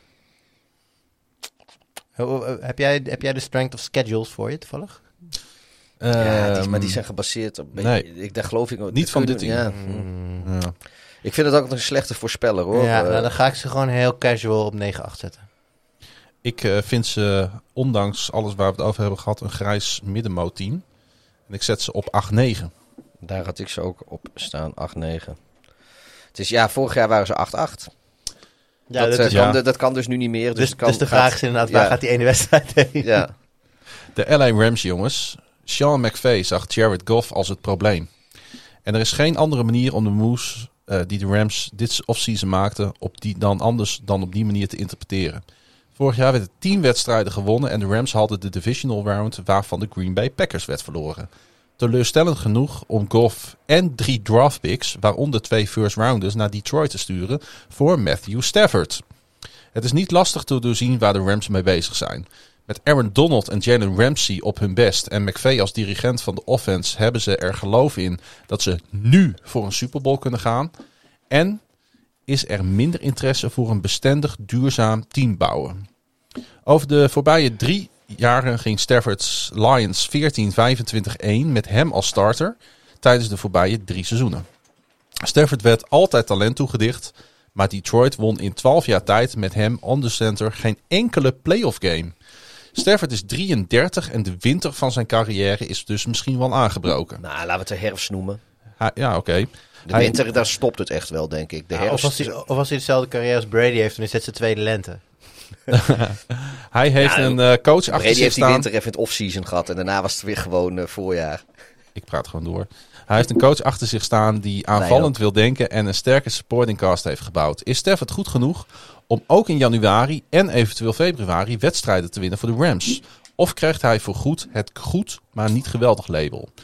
Wat McVay betreft is het duidelijk dat hij goed ligt in zijn eigen organisatie. Hij behaalde in ieder seizoen dat hij headcoach was een winning record en behaalde drie van de vier jaar een playoffs.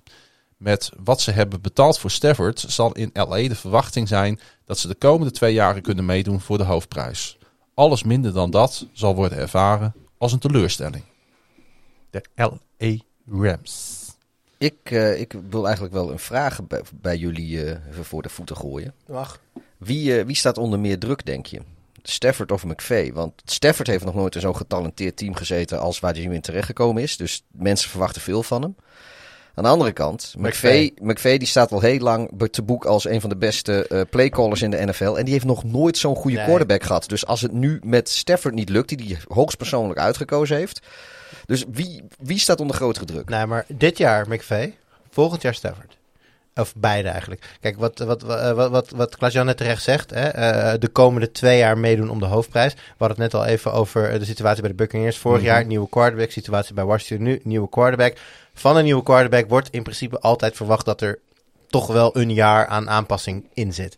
Dus als Stafford nu nog een jaar nodig heeft om de playbook te leren kennen, om zijn receivers goed te leren kennen, dan is dat gewoon normaal. Dus in die zin staat er niet heel veel druk op Stafford.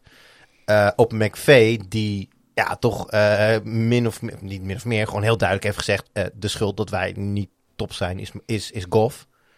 Ja, dat, dat, dat brengt druk met zich mee. Want stel dat Stafford nu bijvoorbeeld echt. Kijk, als hij maar hetzelfde doet als Goff vorig jaar, dan is het al goed. Want dat betekent dat hij volgend jaar een step-up kan doen en dan is, hij, dan is het beter. Dus dan is het al geslaagd. Maar stel nou dat ze minder zijn met Stafford. Kijk, dan, heb, dan heeft McVay een probleem. Want dan is dus Goff nooit het probleem geweest. Er Als, verandert eh, natuurlijk niet zo heel veel qua type quarterback, hè? Nou, nou, ja, nee, ik, ik, En, Ja, en, Stafford en de offense was al pas heavy, hè? ze, rennen allebei niet. En ze, true. Maar de, de, de read van Stafford. Stafford staat wel bekend als een, als een slimmere, sneller in zijn hoofd. Ja, nee, nee, QB. nee. Het zijn twee hele verschillende quarterbacks. Maar qua, qua type, wow. nou, weet je, kijk, je hebt Gewoon natuurlijk... pocket, pocket passers. Ja. je? Ja, maar ze, ze, hebben, ze hebben een partij eerste ronde picks die kant opgestuurd. Eh eh, wat jij net zegt, als het dit jaar als Stafford het net zo doet als Goff vorig jaar... dan is het natuurlijk een mislukt seizoen. Want dan had je net zo goed die, die draft picks in, je- Nee, in, in je borstzak kunnen houden. Nee, maar dat is En- onzin. en- want Stafford en- komt net binnen in dit playbook. Ja, maar Stafford is niet de toekomst, hè? De toekomst volgend jaar. Ja, maar dan als je... De hele reden dat Brady naar de je Buccaneers ze, ging... ze, was dat willen, ze zijn nu al, ze zijn nu al all in om, om te winnen. Nee, maar net zoals de Buccaneers het vorig jaar waren. Maar toen zeiden Arians en Brady al, we zijn hier voor het 2021 seizoen. Dat ze het 2020 seizoen uiteindelijk afsloten met de Super Bowl. Was top en een bijkomstigheid. Maar dat is hoe de Rams hier ook in staan. Dit is een, voor, hen, voor hun een leerjaar. En Stafford en dit hele experiment moet volgend jaar tot wasdom komen. Alles wat ze dit jaar kunnen pakken is meegenomen. Ja, ik, ik, ik denk dat ze, dat, ze, dat ze dit jaar al eh, all-in gaan Nou, dat, zijn. ik Ze moeten wel. Ik denk, dat is een andere vraag. Ik denk dat ze dit jaar heel succesvol gaan zijn. Maar ik denk niet dat de druk er nu al op staat. Ik denk dat de owners zoiets hebben van dit is een project. En we willen, volgend jaar willen we er staan met Stafford onder de helm. Eventueel nog wat extra spelers erbij. En dan vol, vol on the cap. En dan, hè, dan, dan ga je in het, seizoen 2022 gaan ze vol. Maar dat betekent niet of ze nog, eh, trouwens, want ze hebben ondertussen... eh, ja, het- ze, ze zijn er altijd aan het bouwen zonder draft picks. En het gaat uitstekend eh, over het algemeen. Want volgens mij heeft, hebben ze sinds 2014 of 2015 nog geen eerste ronde pick meer gehad Nee, in de draft. Maar goed, Eh, en- laten we beginnen met het feit dat ze hun, hun top 10 running back volgend jaar pas terugkrijgen. Ja. Ik loop nu een beetje op de, op de, op de zaak Nee, helemaal Misschien- niet. Nou, Cam terecht Ik heb eh, in een, ik, ik weet niet meer waar, maar ik heb ge- volgens mij in een van de stukjes die we dan maken voor Sport Amerika heb ik de Rams als outsider genoemd voor de Super Bowl. Ja. Dat was pre Cam Akers blessure. Eh, eh, du moment Ja. dat Akers wegviel, eh, zei ik, ik, neem, ik zie ze nu niet meer als serieuze kandidaat. Omdat Akers, zeker in de laatste paar, paar weken van vorig seizoen, liet zien eh, hè, echt die, ja, nee, dat, die, dat klopt. die workhorse te kunnen zijn. En als je, en iedereen weet, als je een goed lopende run game hebt, komt er ruimte in, in de passing game. En dan geloof ik echt oprecht dat Stafford in samenwerking met, met, met Cup, Woods, eh Higby, end die daar nog rondloopt, echt dodelijk kan zijn. Maar zonder die, die, die aanwezigheid van Akers gaat het heel lastig Aan de worden. andere kant, als er één quarterback ooit heeft laten zien eh, best goed te kunnen presteren zonder running game, is het Stafford wel. Want de Lions hebben sinds eh, zolang Stafford daar is nog nooit een running game van betekenis gehad. Nou, afgelopen en ik jaar denk- met Swift en Peterson was best oké. Best oké. Nou, ik- niet een running game van betekenis, nog steeds. Oké, fair enough. Maar ja, ik heb niet zoveel problemen met het wegvallen van Akers. Nee, want ik denk dat de O-line en de quarterback en de playcalling heel veel goed... Akers, wel, ik, zie dat- Akers denk- niet als een buitencategorie running back. Ik vind Ik het als wel. een goede running back die profiteert van een goede situatie. Qua Hend- O-line, qua playcall, qua display eh, design. Ik denk dat, ik denk dat Akers twee klassen beter is dan Henderson. Henderson was de veel meer consisten- consistente runner. Hij produceerde veel meer explosieve plays. Maar ik- Henderson had 20 runs voor meer dan 10 yards. Ik zie, ik zie Akers is, tot en met seizoen, eh, tot en met week 11 of 12 vorig jaar uit die last van, van blessures is hij oud geweest. Pas de laatste vijf weken was hij full strength. En toen heeft binnen een week trok hij de starting role naar zich toe. Dat is geen toeval, hè? Nee, is geen toeval. Maar ik vind niet dat de Rams opeens geen Super Bowl contender meer zijn. Omdat hij niet Nou ja, meer ik- is. absoluut wel. Hetzelfde zou ik zeggen trouwens als bijvoorbeeld Aaron Jones wegvalt bij de Packers. Dan is AJ Dillon niet klaar voor die lead back role en hebben zij een probleem. Ja, Nou, ik vind het bij een running back vind ik het toch iets minder belangrijk dan bij een wide receiver. Ja ik, ik, Ik, toch een meer vervangbare ik, ik positie. vind running, ja, running backs is, is- ja, er, er, zijn, er zijn er twee of drie die, die absoluut eh, briljant zijn. En verder is het best wel een inwisselbare positie. Als jij een goede play design hebt en een goede O-line en, en slim omgaat met het callen van de plays, dan, eh, dan, dan ja. Dan, en die run game is natuurlijk al, al jaren achter elkaar op hoog niveau in LA. Ja, plus dat was ook nodig om, om eh, met golf te kunnen spelen. Ja. Dat is het ook nog, weet je. Daar heb je een hele andere wisselwerking. Maar goed, we gaan het zien. Weten jullie eh, zo een beetje op welke quarterback rating Goff zat? Onder alle quarterbacks in de league? Ik weet, dat had hij iets van rond 65 of zoiets. eh, Nee, je bedoelt Nee, eh, qua, qua ranking. volgens, Oh. mij net, volgens mij een beetje op de bubbel van tiende, toch? Eh, tiende, elfde, twaalfde, die daar ergens? 23ste. Oh, wow. Dat is ik een beetje naast. Ja. Ik- voor mijn gevoel zit hij echt tegen de top 10 aan. Nee. Ja, Ja, ik, het, interesting. het is on record dat ik nooit zo'n grote golf-fan geweest ben. Wat dat Oh, oh, sorry. Ik, ik, Eh, eh, Stafford. Stafford ra- rankt de tiende. ik, sorry, ik had het over Stafford. Nee, oh, ik oké. ja, Ik over nou, nee, Stafford. oké. Stafford rankt de tiende. Ja, Golf nee, golf 23ste. natuurlijk niet. Ja. Nee, sorry. Ik, ik, dit- ik zit dus nu aan, die Ja. Ik zit dus nu aan dat Poolse biertje waar jij het net over had. Nou, ik vind, meteen helemaal ik mis. vind het toch wel, ik vind het toch wel grappig om die twee een beetje naast elkaar te zetten. Want eh, tijdens de laatste drie jaar eh rankte Stafford dus tiende in EPA per play. Onder 33 IPA quarterbacks. per play? Ja. ja. Onder 33 quarterbacks met tenminste 700 dropbacks. Om dat in perspectief te zetten, Golf was daar de 21ste over Ja, de maar- spannen. Dus de, Ja. het gat tussen die twee in statistieken is... En de, de situaties Is waar ze in zaten. Hè, Goff zat echt in een veel betere situatie als Ja. Stafford. En dat Ja. is waarom ik... Ja, ik, ik ben heel enthousiast over, eh, voor, voor de Rams met, met Stafford. Absoluut. En waar kan Golf niet mee omgaan, jongens? Pressie.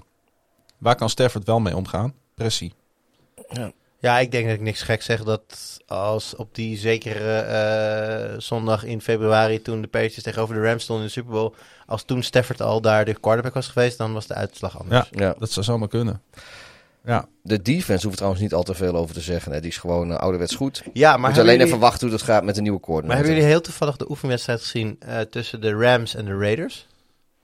Nee. de Rams Je- speelt toch tegen de Chargers? Nee, v- v- eh, volgens mij tegen, ook de Rams tegen de eh, Hunter Renfro speelt bij. Bij de Raiders toch?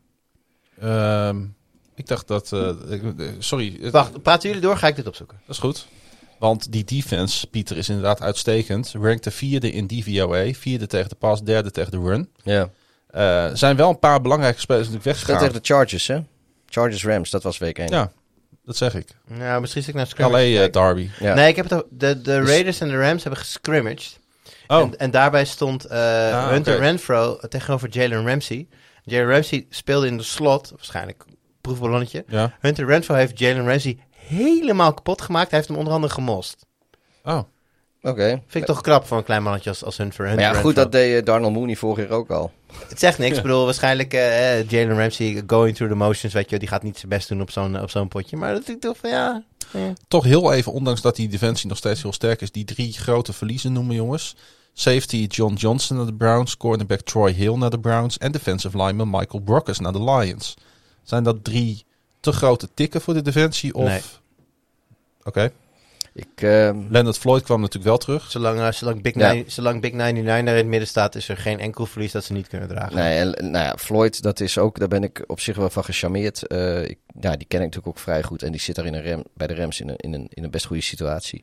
En eh, ik wil nog even iedereen attenderen op eh, de free safety die ze er hebben. Jordan Fuller. Komt van Ohio State, maar die heeft vorig, eh, vorig jaar is die, eh, begonnen. Hij gaat dit, eh, dit jaar aan zijn tweede seizoen beginnen. Is die familie van een van de 400 voelers die er ook op safety en, en quarterback lopen? Nee, niet die. Zijn, zijn broer is, is wel bekend in de NFL. Die heeft voor de Falcons gespeeld als Devin Fuller. En misschien ken je zijn neef ook. Dat is David Atkins. En dat is een stand-up comedian die beter bekend is als Sinbad. Dat is zijn artiestennaam. Ja, Zo, als je zijn gezicht, zijn, zijn gezicht, Ja, dan komt ja. hij wel. Als je zijn gezicht bekende kop. Maar goed, ehm, ja, die is dus in zijn tweede seizoen. Daarna wordt signal caller daar op defense. Wat ik voor een sophomore best, eh, best indrukwekkend vind. Zeker in een defense als die van de Rams. En ja, daar, daar, eh, ik denk wel dat dat iets is eh, waar, we, waar we wel op kunnen letten. Ik denk dat daar wel heel veel talent zit. Oké. En eh, dan een vraag voor Jur. En het feit dat ik hem aan Jur stel, dat zorgt als het goed is voor dat hij het juiste antwoord geeft. Maar met welke pick hebben ze hem opgepikt in de draft vorig jaar? Sorry, ik- 199. Ik was Simbad aan het... Ik, Godverdorie, ik was Simbad aan het opzoeken, dus ik, ik luister niet, ik, ik hoorde niet over wie het ging. Het is de, Sorry. 100, de 199ste pick inderdaad. Ja, Maar voor alle luisteraars die nu eh, denken van wie is Simbad? Als je de, de kerstfilm Jingle All The Way met Arnold Schwarzenegger hebt gezien, hij speelt daar de antagonist. Hij is de vader Oh, van het andere jongetje. Oh. Ehm, maar dan heb ik, nog, ik heb nog een vraag voor Jur. Want dat is waar de meeste mensen, de meeste luisteraars, misschien Jordan Fuller nog van kennen. De, eh, welke quarterback heeft hij vorig jaar twee keer geïntercept? Eh, wa- waar speelde hij vorig jaar? Ook bij de Rams, maar de quarterback die die intercepte niet. Eh, Die nee, dat speelde zou wel heel knap zijn geweest dat hij ook bij de Rams speelde. Die speelde bij de Buccaneers. Oh, flauw dit. Ja, Dus nou, dat, dan eh, zal het wel Blaine Gabbert zijn geweest. Ja, nee. Het was zijn, zijn, zijn 199ste rondemaatje. Tom. Brady. Toen had ik toch weer een soort impromptu Who's That Man, hè? Ja, heerlijk. ik, ehm, ik, Ja, jij vindt altijd wel even een manier om eventjes gewoon een, een, een speld in Tom Brady te steken. Zo. Nou, dat is niet waar. Ik, ik, denk dat ik van iedereen die hier ooit in deze podcast geweest is, de gast tot nu toe, behalve jij en Neil, denk misschien dan met die, eh, met die, eh, met die Super Bowl aflevering, ben ik het meest positief over Brady eh, geweest sinds, sinds het ontstaan van deze podcast. Jij noemde het al even, Jur. Toch even stilstaan nog bij die wijziging op defensive coordinator. Brandon Staley vertrok omdat hij headcoach kon worden natuurlijk bij de LA Chargers. En Raheem Morris, vorig jaar nog interim headcoach bij de Atlanta Falcons, nam zijn plek in. Ehm, eh, ik weet dat eh, spelers weglopen met Morris over het algemeen. Maar het is typisch zo'n coach, en die Reed heeft dat ook, die niet die uitstraling heeft. Ja. Ja. En met Staley gaat er natuurlijk echt wel een, een, een mastermind verloren. Hè? Ik- Met name natuurlijk in die pre-snap disguise waar hij eh, natuurlijk helemaal in Ja, nee, dat, dat sowieso. Maar wat je verder zegt van we wel niet weglopen met. Ik, weet niet. Ik, ik, ik denk dat wij daar als, als volgers, als fans van, van buitenaf iets, soms iets inzien. Hmm. Wat, in een, wat in de locker room, zeg maar. Dat, ik bedoel, eh, ja, als je een analogie maakt van naar voetbal, de, de manier waarop de buitenwacht Louis van Gaal ziet, is anders dan hoe hij, in, hoe hij schijnt te zijn in, in besloten kringen. En ik denk dat dit voor dit soort eh coordinators hetzelfde is. Wij Ja. zien er iets in. Ik geloof nooit dat dat voor spelers hetzelfde is. Zullen we, Ja. zullen we voorspellen, jongens? Voorspellen. Oh, ik vind deze misschien nog... nog wat, ja, 9, 8 had ik de Cardinals.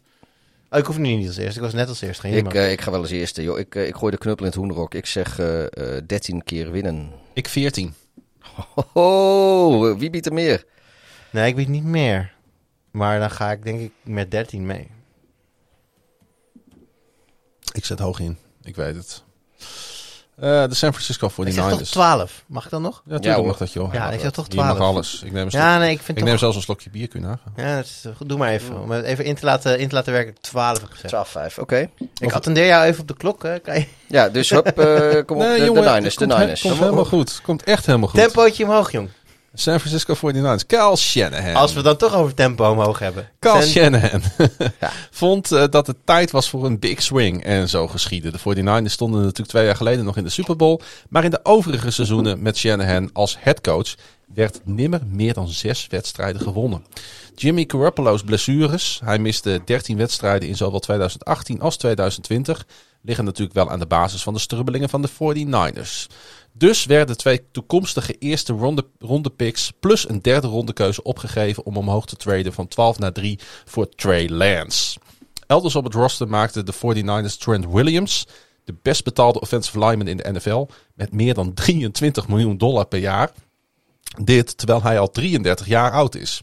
De 49ers tekenden ook de 35 jaar oude center Alex Mack. Defensive coordinator Robert Salou vertrok voor een positie van headcoach naar de andere kant van het land, naar de New York Jets. En de Miko Ryans maakte promotie van inside linebackerscoach naar DC. En tja, Garoppolo staat nog steeds op het roster, maar het lijkt een kwestie van tijd dat de 49ers de pagina definitief omslaan en een championship roster om Lance heen gaan bouwen met hem op een rookie contract. Kunnen de 49ers meedoen voor een Super Bowl met dit roster? Of is 2021 bedoeld om daar volgend jaar weer eens aan te denken? Pieter, Nou ja, we weten wie eh, Jimmy G is. En die heeft ze inderdaad wel eens een keer richting eh, de Super Bowl geleid. Maar dat gaat denk ik echt niet nog een keer gebeuren. Ehm, ja, weet je, we willen, we willen gewoon zien, we willen Trey Lance zien. Klaar. Iedereen, eh, iedereen heeft, wat ik zeg, we kennen allemaal Jimmy Garoppolo. Daar gaat het niet mee lukken. Eh, als Trey Lance zo goed is dat ze in San Francisco hopen dat hij is, dan, eh, dan wordt het daar misschien wel wat. Maar, ja, ik steek eh, even mijn vinger op om een vraag te stellen. ja, Ehm, met welke quarterback bereikt ze ook weer de Super Bowl? dat is met Garoppolo. Dan hoe kan je überhaupt de conclusie trekken dat het met Garoppolo dus niet gaat lukken? Nou, ik denk niet dat dat nog een keer gaat gebeuren met Garoppolo. Ondertussen weten we allemaal wie Garoppolo is. Ik bedoel, Ja, een quarterback, was een dat wa- quarterback waarmee je de Super Bowl kan halen. ja, in een perfecte storm van, eh, van, van een situatie. Dat, dat gaat ze echt niet nog een keer lukken. als Garoppolo een heel seizoen fit blijft, dan, Dat zijn, is ten eerste alles de vraag. dan zijn de 49ers toch gewoon Super Bowl contender? Ja, ja Nee. denk, denk ik wel. Nee. Nou, ik, ik, ik zie wel zwakte. Ik vind ze op, ik vind ze op wideout niet, niet super. Nee. Maar ehm, ik vind ze op alle andere posities wel... Nou, niet E++ overal misschien, maar E, E++ wel. Nee, maar we hebben, we hebben het net gehad over de Rams. En die hebben met Goff hebben die gewoon ook een Super Bowl gehaald. En dat eh, viel uiteindelijk ook een beetje in tranen eh, uiteen. Oké, ik snap Ik- ik- ik ik, ja. nee, ik zie wat je zegt. Ik, ik vind je Garoppolo, ik weet ook niet, is, is Garoppolo, het is een compleet andere quarterback dan Goff, maar ik vind hem niet per se beter ook. Over vier jaar, in 30 wedstrijden, won hij er 22. zegt. Garoppolo. Ja. Dat zijn, dat, vooral- dat, nou, dat zijn vind- toch elite cijfers? Nou, ik vind vooral... Behalve dat hij maar 30 ja, wedstrijden dat. speelt in Ik vind vier vooral jaar. dat je in Ja. vier jaar 30 wedstrijden Maar ook- Dat moet je in twee jaar doen. maar, maar- we weten allemaal hoe 2018 en 2020 verlopen zijn. Ja, maar dat is... Dat is Ja, dat- we moeten dat benoemen. We moeten daar ook over hebben. Nee, maar Pieter zegt terecht. Maar zegt- hij, moet, zegt- hij moet eerst maar laten zien dat hij fit kan blijven. Maar Dat, dat ze- ben ik met ja. je eens, maar qua kwaliteit.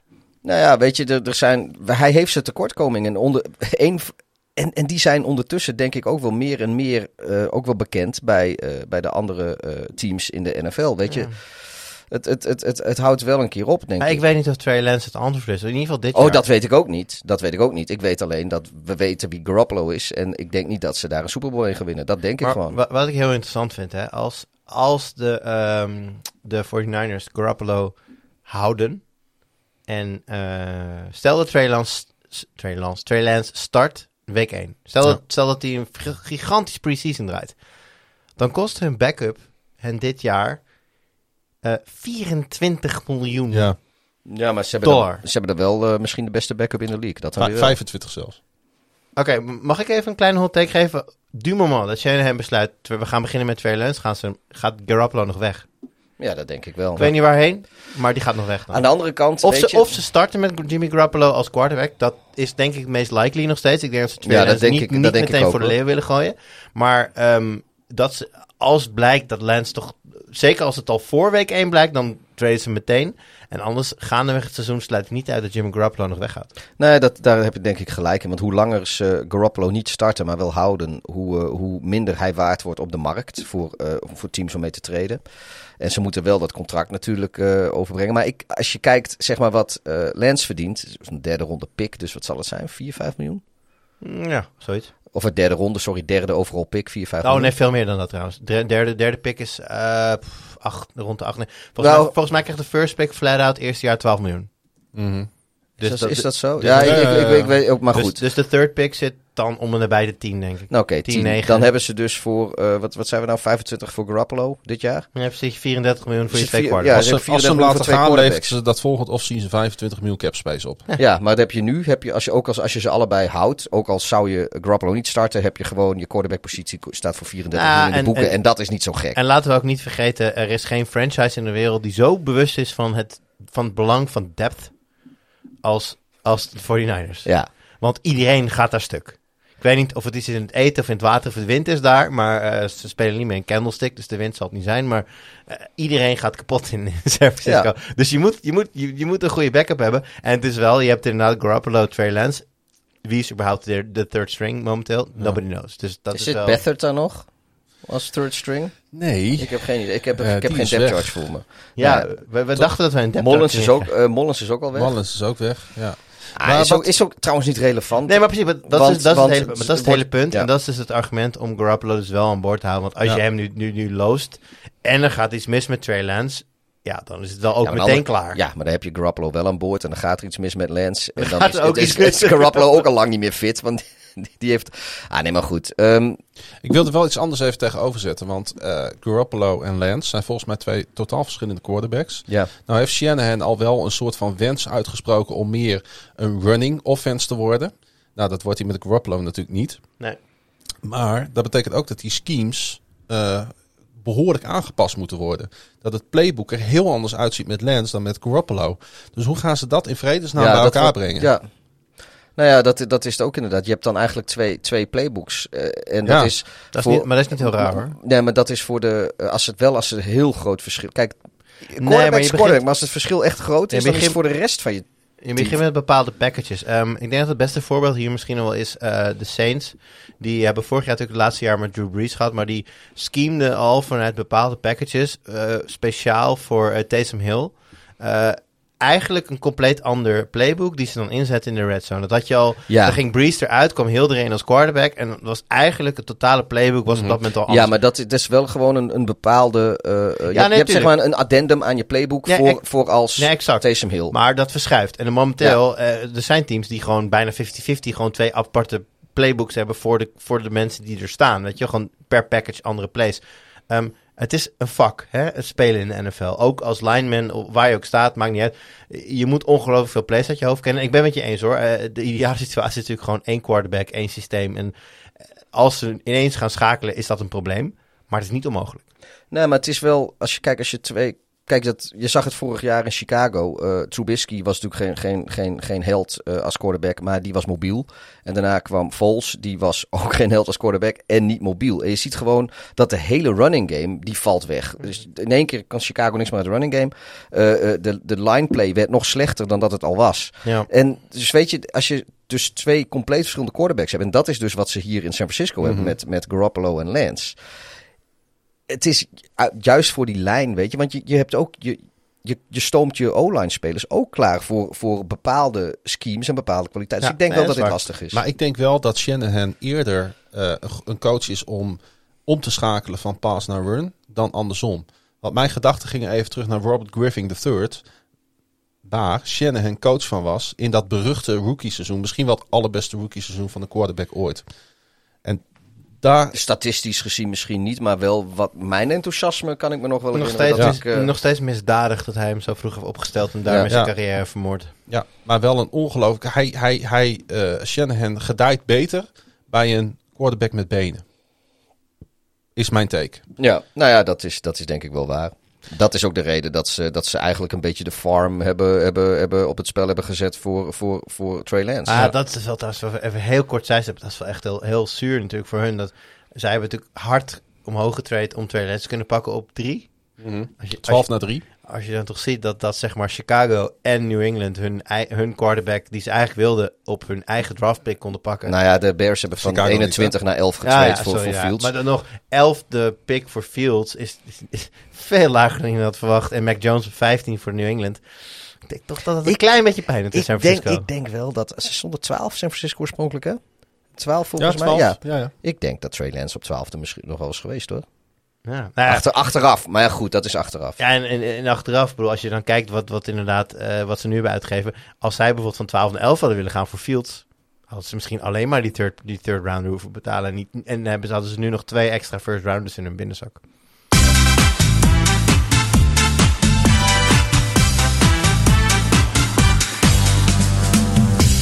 De biertopper van de week. Week, week, week. Pa, pa, pa, pauw. En dan zullen jullie misschien denken, hè? Ja, dat denk ik wel even. Denk ik ook even. Wie is het? Debo, eh, Debo Samuel? Nee, ik wil gewoon even een shout-out geven naar de Kittel. eh, defense van de 49ers. Want eh, die hadden vorig jaar, was dat de unit met de meeste blessure leed. En ik vind dat die, ondanks dat, dat die een waanzinnig seizoen hebben gespeeld. Ik heb daar echt van genoten vorig jaar. De een na de ander viel daarom. En toch is het ze gelukt om overall in de NFL zesde, de zesde unit neer te zetten. Zevende tegen de paas, tiende tegen de run. Ik vind het eh, een compliment waard. Dat, eh, dat is Absoluut misschien waar.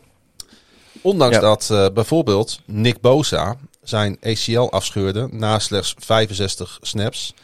Ehm die Ford hebben ze nauwelijks op kunnen rekenen de afgelopen jaren. Maar Eh, de, hebben serieus, die Ford is wel een beetje overrated hoor. ja, dat blijkt nu. Maar dachten we dat een paar jaar geleden ook? Ja. Wat wel grappig is, is Die, dat... Die Ford heeft die hele cruciale AFC Championship game tegen de Patriots weggegeven door Mhm. offside te staan op een hele belangrijke game. Ja, dat is waar. Maar wat, wat, wat op zich wel grappig is, is juist omdat die Ford Play. en Bosa er vorig jaar niet waren, ging eh eh, Salou, Saleh, Salou. Sa- Salou, eh, die, die had natuurlijk een, een, een scheme waarin hij eigenlijk eh, weinig blitste. Vorig jaar moest hij noodgedwongen wel en prompt hebben ze wel inderdaad defensief zijn ze heel goed bezig geweest. Hij was normaal gesproken staat hij geloof ik ergens in de tussen de 20 en de 32 wat betreft eh blitzing zijn eerste drie jaar daar en zijn, het vorig jaar was hij top 10 of niet. Ja. Ja. En dat was niet omdat hij zo graag wil blitsen. Dat was omdat hij wel moest. Omdat Ja. eh, eh, de linebackers gewoon niet zo goed waren. Want daar, daar miste het een en ander. En dat, nu vraag ik mij dus wel inderdaad af. Ehm, maar ja goed, Salou is daar nu weg. Maar ik vond het wel grappig dat hij eh, eigenlijk vanwege blessures zijn speelstijl om moest gooien. En daar prompt succes mee haalt. Dat vond ik wel, eh, wel een leuk, eh, leuk detail. Ja, en ik denk dat ze er alleen maar beter op zijn geworden dit jaar. Ze hebben een paar goede spelers aangetrokken. Ebukam van de LA Rams. Samson Ebukam. Ik weet niet zo goed hoe je het uitspreekt. zo zou kunnen. Maar ik ben op zich wel fan van zijn spel. En ze hebben natuurlijk eh Javon Kinlaw gehaald eh, in 2020. En de verwachting is toch wel dat hij een second year leap kan maken. Ja, en hun nieuwe eh, defensive coordinator was het, D'Amico Ryans. Ja, Hij was natuurlijk linebacker, hè? dus even weer teruggekomen wat ik net zei over dat blitsen. Ik Mhm. denk dat hij juist wel de tendens heeft om wat vaker te blitsen, omdat hij juist eh eh, Nou ja, ze, linebacker stond, was. ze stonden al tien hè, in, een aantal blitzes. Ja, maar dat, ja, maar dat, dat was was dus een- dat was noodgedwongen. was dat. Want daarvoor deed ze niet. Salou, die houdt in principe niet zo van blitsen, maar die heeft dat dus gedaan omdat die Ford en Nick Bosa eh, er niet waren. En toen moest hij Mm. noodgedwongen zijn scheme een beetje aanpassen. Nee, maar nu zegt- hebben ze een defensive coordinator die dat waarschijnlijk juist wel graag wil. Ja, maar als je zegt dat ze gaan stijgen, dat betekent dat ze omhoog moeten vanaf de tiende plek. Hè? Dus dat is niet per se. Nou ja, nee, maar goed, als ze, als ze er alleen al blijven. Ik bedoel, als ze, Ze hebben Ja. vorig jaar hebben ze echt eh, boven hun kunnen gepresteerd. Ze hadden een goede unit. Heel veel blessures gehad. Als het fit blijft met de toevoegingen die ze dit jaar hebben gehad, denk ik dat zij een van de betere defenses in de NFC hebben. Ja, ik denk alleen, eh, we hebben wel eens vaak bij meer teams dit gezegd, de cornerback posities met, eh, wat is het, eh, Jason Verrett en eh, Quan Williams, die zijn allebei eh, eh, ouder dan 30.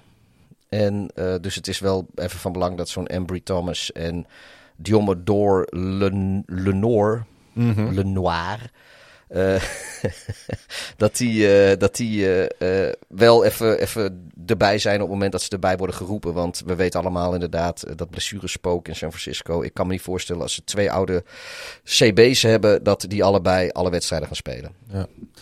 Als we moeten, dit team moeten voorspellen, dan is het natuurlijk bijna niet te doen. Want we weten niet wie er op quarterback precies gaat spelen, 17 wedstrijden lang. We weten ook niet of ze fit blijven. Maar met de informatie die we nu hebben, Jur, waar zet jij dan eh, de 49ers in het eh, geweld van deze divisie neer? Wacht even, geen eerst. Ik ben namelijk even nu een schedule aan. Ik ben even aan het tellen. Oké, ik, ik ga, ondanks dat ik denk dat ze een Super Bowl ceiling hebben, Hm? in potentie, zet ik ze op 11 overwinningen. Oké, dus jij zegt 11 en dat houdt in zes keer verliezen. Ja. Weet je, ik, eh, ik, ze willen starten met Garoppolo, niet met Trey Lance. En ik denk, eh, ik, ik, ik voorspel altijd alsof iedereen gewoon fit blijft. Dus ik ga ervan uit dat, eh, en ik denk dan ook echt dat ze, dat ze een goede kans hebben dat ze het grootste deel van het seizoen en misschien wel alle 17 wedstrijden met Garoppolo gaan spelen. 9-8. Ik denk echt dat, het, eh, dat, ze, dat ze het heel lastig gaan krijgen nog. Ja. Ik vind dat iets te somber. eh, maar goed, dat is Nou, mijn ik optiek. heb gehoord Iedereen van, mag van, hier... Ik, ik, heb, ik heb hier laatst heb ik hier gehoord dat we te, te lief zijn. Dus eh, Nou ja, ik zit even te kijken. Eh, ze krijgen ehm, Packers. Ehm, ja, dat is altijd een appeltje uitje. Want zij zijn de angstgegner voor Green Bay. Oké, maar ook at Bears. Ja, dat is een dikke nederlaag. At, jongen. at, Ja- at Jaguars. eh, Trevor. Ehm, ik zit een beetje de opvallende. At Titans. Vergeet het maar. Ik, ehm, ik ga zetten op eh 10 wins.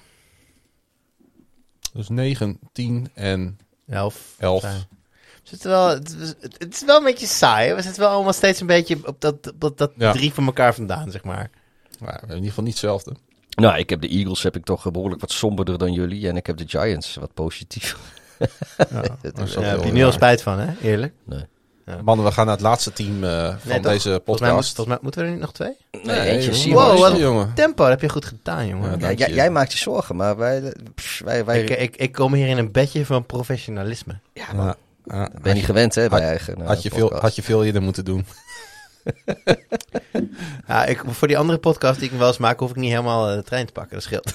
Ja, dat is wel. Helemaal. Helemaal. Goed, we eens hoppatee, die uh, vertel eens even wat over de Seahawks. Jongen. De Seahawks Stond in waren, 2015 in de Super Bowl. Speelde toen tegen... ja, waren eh, vorig jaar een van de beste teams in de NFL. Klinkt raar hè, maar het was wel zo. Ze gingen 12-4, ranked een vijfde in DVOA overall. En dat is hoger dan teams als bijvoorbeeld de Chiefs en de Ravens. En toch voelt het alsof het fundament onder de Seahawks zomaar weggeslagen kan worden. Die Athletic bracht een verhaal dat Wilson tijdens het vorige seizoen flink geclashed heeft met de coachingstaf over de aanvalsfilosofie. Na het seizoen zei Wilson dat hij gefrustreerd was over hoe vaak hij wel niet geraakt is. En later legde hij ergens op een bureau een lijst met potentiële tradebestemmingen neer. Tot een trade kwam het niet. Pete Carroll ontsloeg offensive coordinator Brian Schottenheimer en hij verving hem door Shane Waldron, de pass game coordinator van de LA Rams. De Seahawks trainen voor guard Gabe Jackson en legden tight end Gerald Everett, ook van de Rams, vast. Verder probeerden ze de boel bij elkaar te houden. Het is nu het tiende seizoen van het tijdperk Wilson Carroll. Samen hadden ze nooit een losing record en haalden ze acht keer de playoffs. Maar sinds 2014 kwamen ze nooit meer voorbij de divisional round. De tijd begint wel te dringen, jongens. Wilson wordt in november 33 en Carroll, nu de oudste headcoach in de NFL, wordt 70 in september. Misschien hadden de Seahawks wel wat gezeik nodig tijdens het offseason. Carroll en Wilson zijn het gewend om wel te gedijen in chaos. Ergens moet je er ook niet van opkijken dat ze gewoon weer in die Super Bowl staan. Maar, en dat is toch wel voor het eerst in die, al die jaren, voelt het alsof er nu serieuze consequenties zijn wanneer de Seahawks niet in de buurt komen van de hoofdprijs. Als Wilson en Carroll ook tijdens dit seizoen niet op één lijn komen te zitten wat betreft de manier waarop de offense moet spelen en succes blijft uit, dan kan het niet anders dat de zaken serieus gaan veranderen na dit seizoen. Ja, eh, er is een nieuwe offensive coordinator. Echt, die gaat daarvoor beginnen. De- Steve Carroll is de oudste headcoach in de NFL. Ja. Yup, Hij ziet er echt uit als 50. hij wordt 70. Dan weet je, er zit, er zit een of andere eh, Tree of Life sap in dat kauwgom. Waar, waar die, weet je, hij, daar, daar, hij koudt op. Nee, maar rubber serieus, uit ik, de- wil- ik ben helemaal hang, hung up aan, aan het feit dat dus kennelijk Bill Belichick dus jonger is. En, en, en, en alle, alle headcoaches dus allemaal jonger zijn dan Steve Carroll. Dat kan niet. Ja, eh, dat, dat, daar is. Daar is. Jongen, dat is. Zouden ze in Tilburg zeggen. Tilburg, waar wij trouwens ons eh Om, eh, ons, ons event NFL hebben. op woensdag event Ja. Kun. Kunnen jullie mij misschien nog even wat meer details geven voor dit evenement? Nou, 19 september, week 2. Dan eh, kun je vanaf hoe laat? Drie Vanaf uur? drie uur. Vanaf drie uur ben je welkom in, In een poolcentrum? For, For Friends, aan de in Koestraat Tilburg. in Tilburg. Koestraat. Ja. En eh, stuur ons even een DM'tje of, eh, of, eh, of weet ik veel wat. Een, eh, een, eh, hoe noem je dat? Een brief? Een postkaart. Een, een aanzichtkaart Postkaart. of een post, postkaart. Nee, en eh, voor de mensen die dat al gedaan hebben, één deze dagen heus volgt er meer informatie eh, eh, via eh, de kanalen waar je het kan vinden. Woonde er niet ook een van de vrienden van de show in Tilburg? Ja, bedunkt. Nee, we hebben maar, er is deze show heeft maar één vriend. Dat is en wel die, die zit in, in, Washington, Washington. die zit in Washington DC. Ja. En wie is dat? Riverboat Run. Riverboat Run, ja. Ja, de- is- enige echte vriend van de Ja. show. Ja. Verder hebben we eh, wel mensen waar we sympathie voor hebben. Heel veel. Het is eigenlijk gewoon heel simpel. Wij hebben het idee. Kijk, wij kennen ondertussen na al die jaren kennen wij best wel wat NFL-liefhebbers in Nederland. We hebben bij Sport Amerika gezeten. Eh, dat is een van de redenen waarom jij hier natuurlijk ook zit. Maar ik denk dat er heel veel mensen in het land zijn die misschien best wel een beetje van die lonely cowboys zijn. En die zitten iedere zondagavond zitten ze te kijken. En ze zien wel eens wat op Twitter. En ze luisteren misschien Sport Amerika podcast. ja, ze luisteren zit- misschien nu ja. onze podcast. En- En, dan zitten die vrienden of hun ouders of whatever, die zitten dan... Nou, wat zit jij moeder hier alleen s'nachts tv te kijken? Is de porno opstaan of zo? maar dan zitten ze gewoon eh, Thursday Night Football te kijken.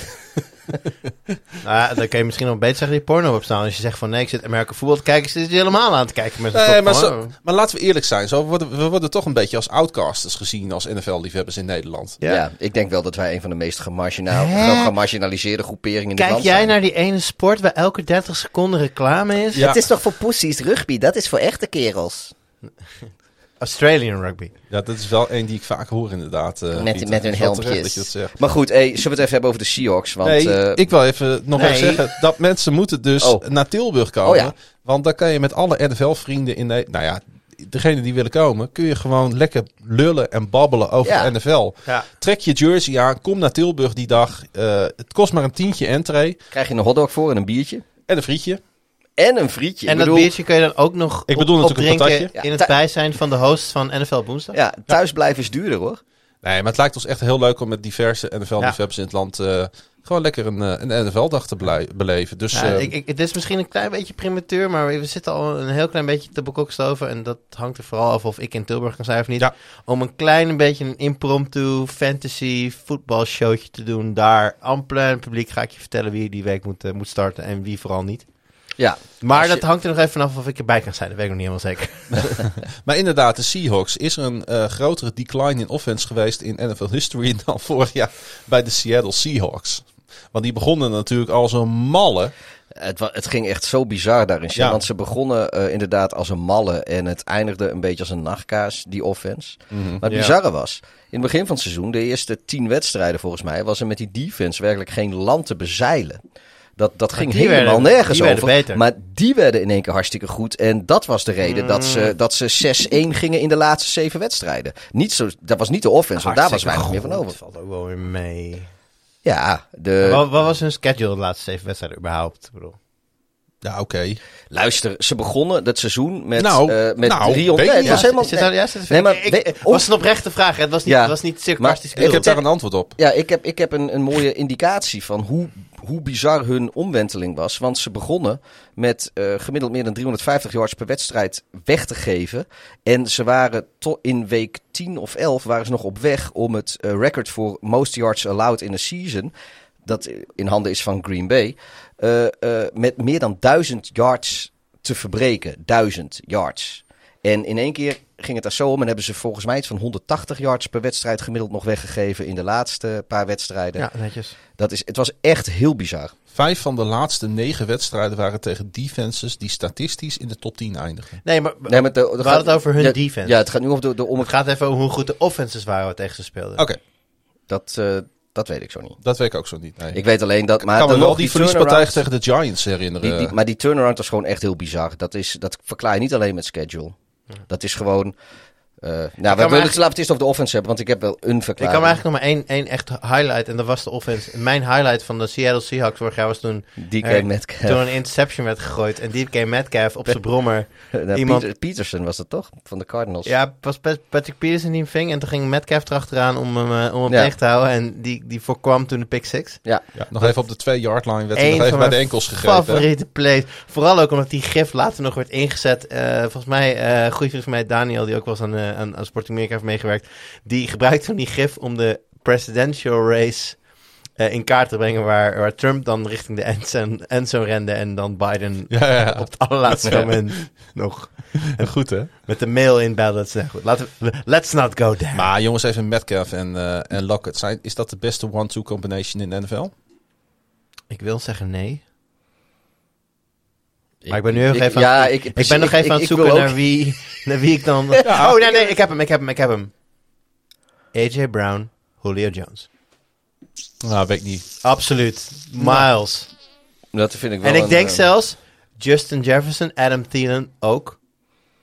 Daar voorbij. Alleen Thielen is weg. Is hij Oh. niet weg? Nee. Oh, sorry. Nee, is niet Hij is wel oud. Ik gaat bijna weg, Hij denk bijna ik. weg. Maar Eh, God, wat heb... Sorry, die tight end van In, eh, in, nou ja, dan heb je ook met... eh, ja, Rudolph. Ja, die.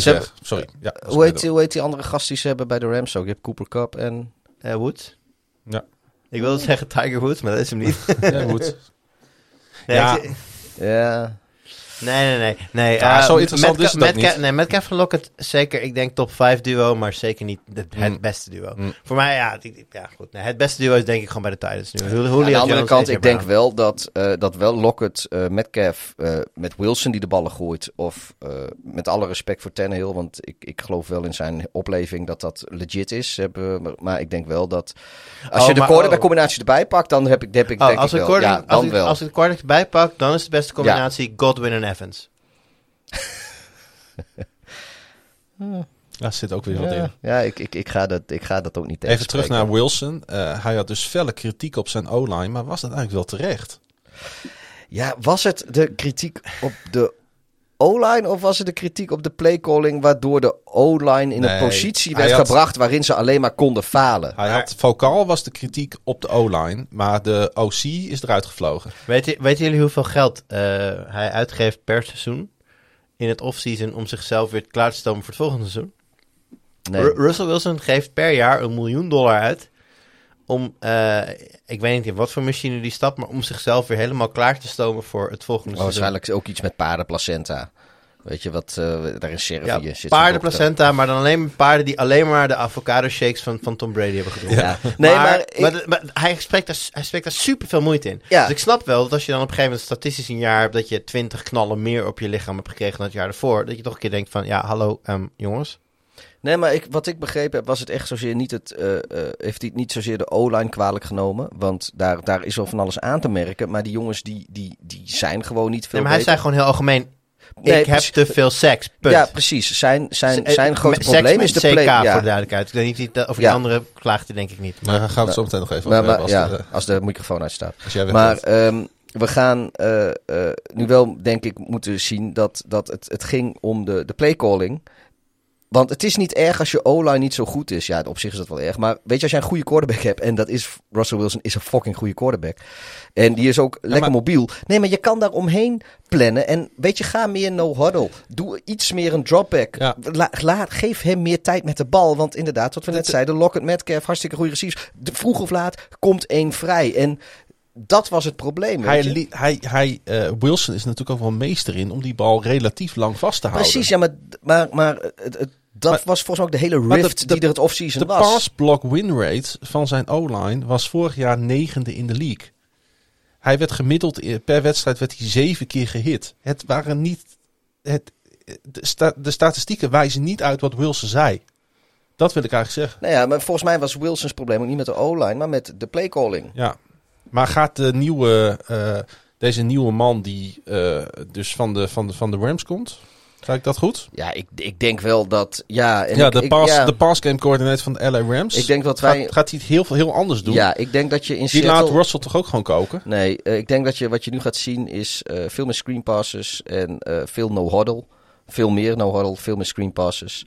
En waardoor de momenten dat hij een dropback doet en met zijn voeten tijd gaat, gaat kopen, dat er dan ook echt wat kan gebeuren. Weet je, dat, daar, dat je daar ook niet meer op kan zien dat dat het enige is waar gevaar uitkomt. Ik, ik denk dat, dat eh, nou ja, je, de, dat is wat, dat, dat denk ik dat je. Nog even heel kort. De defense van de, van de Seahawks die al jaren stabiel gemiddeld zijn in de NFL. Dat is Niet- wel de 12th man, of hoe heet het ook weer? Ja, dat zijn de, de, de fans. Dat zijn de Oh, fans. maar die, die ging toch altijd als de defense dan speelt, ging ze toch superveel lawaai Ja. maken. Ja, heel luidruchtig. het begin, begin van het vorige decennium eh, eh, was het natuurlijk allemaal eh, eh, top of the bill. Maar de laatste jaren is het gewoon heel gemiddeld. Maar ze zakken eigenlijk ook nooit door het ijs hè, met hun defense. Nou ja, de eerste, eerste tien weken, Dat- dat, was niet zo denderend. Maar goed, weet je, het, het valt of... Het, maar ieder jaar, uiteindelijk, als je het dan over de hele linie Ja, bekijkt, Ja. staat er gewoon Ja, we hebben- een gemiddelde NFL We hebben het afgelopen jaar in ieder geval in de, in de Sport Amerika podcast vaak, heel vaak gezegd. eh, de, eh, Seattle heeft een, een, een, een playoff waardige offense en een niet goed genoeg defense. Ja. En nou ja, goed, eh, wat Pieter net terecht aangeeft, die, die, die zijn in de slotfase wel echt wel beter voor de dag komen. Maar dat, op dat moment was het eigenlijk te laat. Zij, Ja. hebben, zij, zij, zij, zij hebben potjes verloren waarin ze gewoon echt genoeg gescoord hebben om eigenlijk te Ja. winnen, maar dat niet gedaan hebben door hun defense. ik denk een van de dingen die voor deze defense pleit is eh, dat eh, die eh, Carlos Dunlap, die wij wel eens Fuzzy Dunlap genoemd hebben hier volgens mij in de podcast, dat die de defense het vorig jaar beter. Toen, kijk, hij is heus niet de beste pass rusher in de league, maar hij bracht wel net iets terug waardoor alles beter werkte in de defense. Toen hij terugkwam vorig jaar van een blessure, toen ging het beter lopen. Ze hebben hem opnieuw getekend. Ja, hij eh, gaat nu starten. Ja. En eh, Jamal Adams was natuurlijk, eh, heeft ze ook twee eerste ronde picks gekocht. Bizarre trade vond ik dat destijds. Maar Mhm. goed, die is dit jaar fit. Dus dat moet voor de secondary ook wat opleveren. En dan hebben ze ook wel Alden Smith gehaald. Daar verwacht ik niet per se heel veel van. Maar daar kun je eigenlijk alleen maar voordeel van hebben. Want anders dan zet je gewoon op de bank. Dus ik denk dat de defense... eh, Ze zijn wel Shaquille Griffin natuurlijk kwijt, hè? Aan de Jaguars. ja, maar ik denk niet dus er dat zijn dat... wel vragen in. Nou ja. Ik eh, denk, ik denk niet dat dat eh per saldo... Ik denk dat per saldo dat, dat ze wat beter zijn. Maar, ja, maar de vraag is inderdaad... Welke defense gaan we zien? Eh, Ja. de, die van de eerste tien weken of die van de laatste zeven? gaan we met dit wetende voorspellen. De Seattle Seahawks, jongens. We hebben natuurlijk de, allemaal, alle drie, hebben we de 49ers en de Rams vrij hoog ingeschaald. Eh, Ja. Gaan we dat ook met de Seahawks doen? Ik wel. Ik, zal ik beginnen? Ik zeg 11-6, bam. Jur. Ja, het is lastig hè. Je hebt namelijk al drie teams voorspeld. Dus die ga je nu meenemen in Ja, deze ik- ik- voorspelling. Ja, precies. Dat ik, volgens mij, oh nee, mijn- dat doe ik niet hoor. Ik Volgens doe mij- per team. Oh nee, mijn, mijn, mijn hoogste die ik heb gezet is volgens mij de Rams. En die had ik volgens mij op 12 wins. Je hebt 12-5 als hoogste inderdaad. De Rams, hè? Dankjewel. Eh dan ga ik voor 11. Ik eh, ga ook voor 11 overwinningen. Oh, dus hebben we deze alle drie hetzelfde. 11-6, 11-6, 11-6. Oh nee, dan?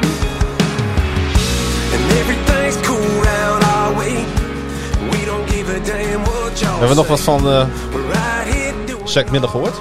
Nou, ik heb hem een, een, een, eh, een briefkaart gestuurd. Ik wil hier een album van. Is er een album van dit? Nou, dat, is, dat, Ja. is, dat gaan we nu weer bekijken. Want dit, dit is weer de, de, de wekelijkse Zack Miller check. How you like us now? Dit is eh, voormalig Goed, eh, NFL tight end dit, hè? Die ja, eh, Zack Miller, ik ken hem. Nou, is er een album? Er is eh, nog geen... tu- tu- tu- tu- tu- tu- tu- nog geen album. Album update Zack Miller, geen album. Moeten we maar weer eens een tweetje naar eh Zack Miller sturen? Nee, ik stuur een telegram deze keer. Ken je Zack beetje- Miller? Zegt hij je iets? Ja. Oudspeler van de Bears? Jaguars. Ja, Ja. Ook, Jag- ook Jaguars. Ja, Ja, en, eh, en eh, Ja. nou ja, goed. eh, ik weet niet waarom ik hem als zodanig herinner. Nee, heeft hij ook veel meer voor de, voor de Bears gespeeld, maar Jaguars. Ja. Hey Jur, eh, ik wil jou bedanken voor jouw komst voormalig naar... eh, Who's That Man trouwens ook, hè. Zeker, naar het eh, hoofdkantoor van KVM Media in Groningen. Hoe vond je het om eens een keer eh, gewoon onder de mensen een podcast op te nemen? Met Ik, bier. ik mist het. Ik vind het heerlijk. Dat is leuk hè? Ik moet wel zeggen, ik maak namelijk ook nog in een heel andere wereld eh, met Nerds om tafel. Een eh Ja. tech-podcast. Die nemen we ook gewoon onder de mensen op. Met In- bier? Innerst met zeker bier. Wij hebben ons eigen bier, nerdbier. Als mensen jou willen volgen op Twitter en Instagram. Ja, mag niet. Oké, Nee, zowel op Instagram als op Twitter. oké. En natuurlijk Ed Sport Amerika. Ed Sport Amerika, ja zeker. Volg Sport Amerika voor... eh, we gaan in het, eh, in het seizoen recaps doen op maandag dinsdag. En dan preview shows op eh, zaterdag of vrijdag. En die preview shows, dat zijn stiekem fantasy voetbalshows. Pieter kun je volgen op. Eh, Twitter, het Darth Hideous. Mij kun je volgen via Klaasje Gunders, dubbel A, dubbel S, dubbel N. Kijk ook eens op kvmmedia.nl voor allemaal andere podcasts van dit mooie Groningse podcastconglomeraat. En ga naar nflopwoensdag.nl om ons te steunen. En neem je petje voor ons af. Volgende uitzending ga ik eh, iedereen die, ons, eh, die erbij is gekomen, ga ik weer noemen. Ja, en we gaan het dan ook hebben over de North en de South in de NFC. Dat is de laatste Want ja, dat zijn de enige twee die over zijn gebleven. En met wie gaan we dat doen? Eh, ik denk met Edu Brooks. Met Edu Brooks van NFL Netherlands. En jij mag ook er weer aanschuiven hoor, als je Zit zin er, zit er in de NFC Noord niet een, een team waar jij nog iets mee hebt? Ja, ik, ik, er, er zijn wel teams waar het die ik een beetje in de gaten hou daar. Ja. Ja, nee, had ik wel een idee van. Beste mensen, bedankt, bedankt voor het luisteren naar seizoen 2, aflevering 13 van NFL op woensdag. Beste mooi weer.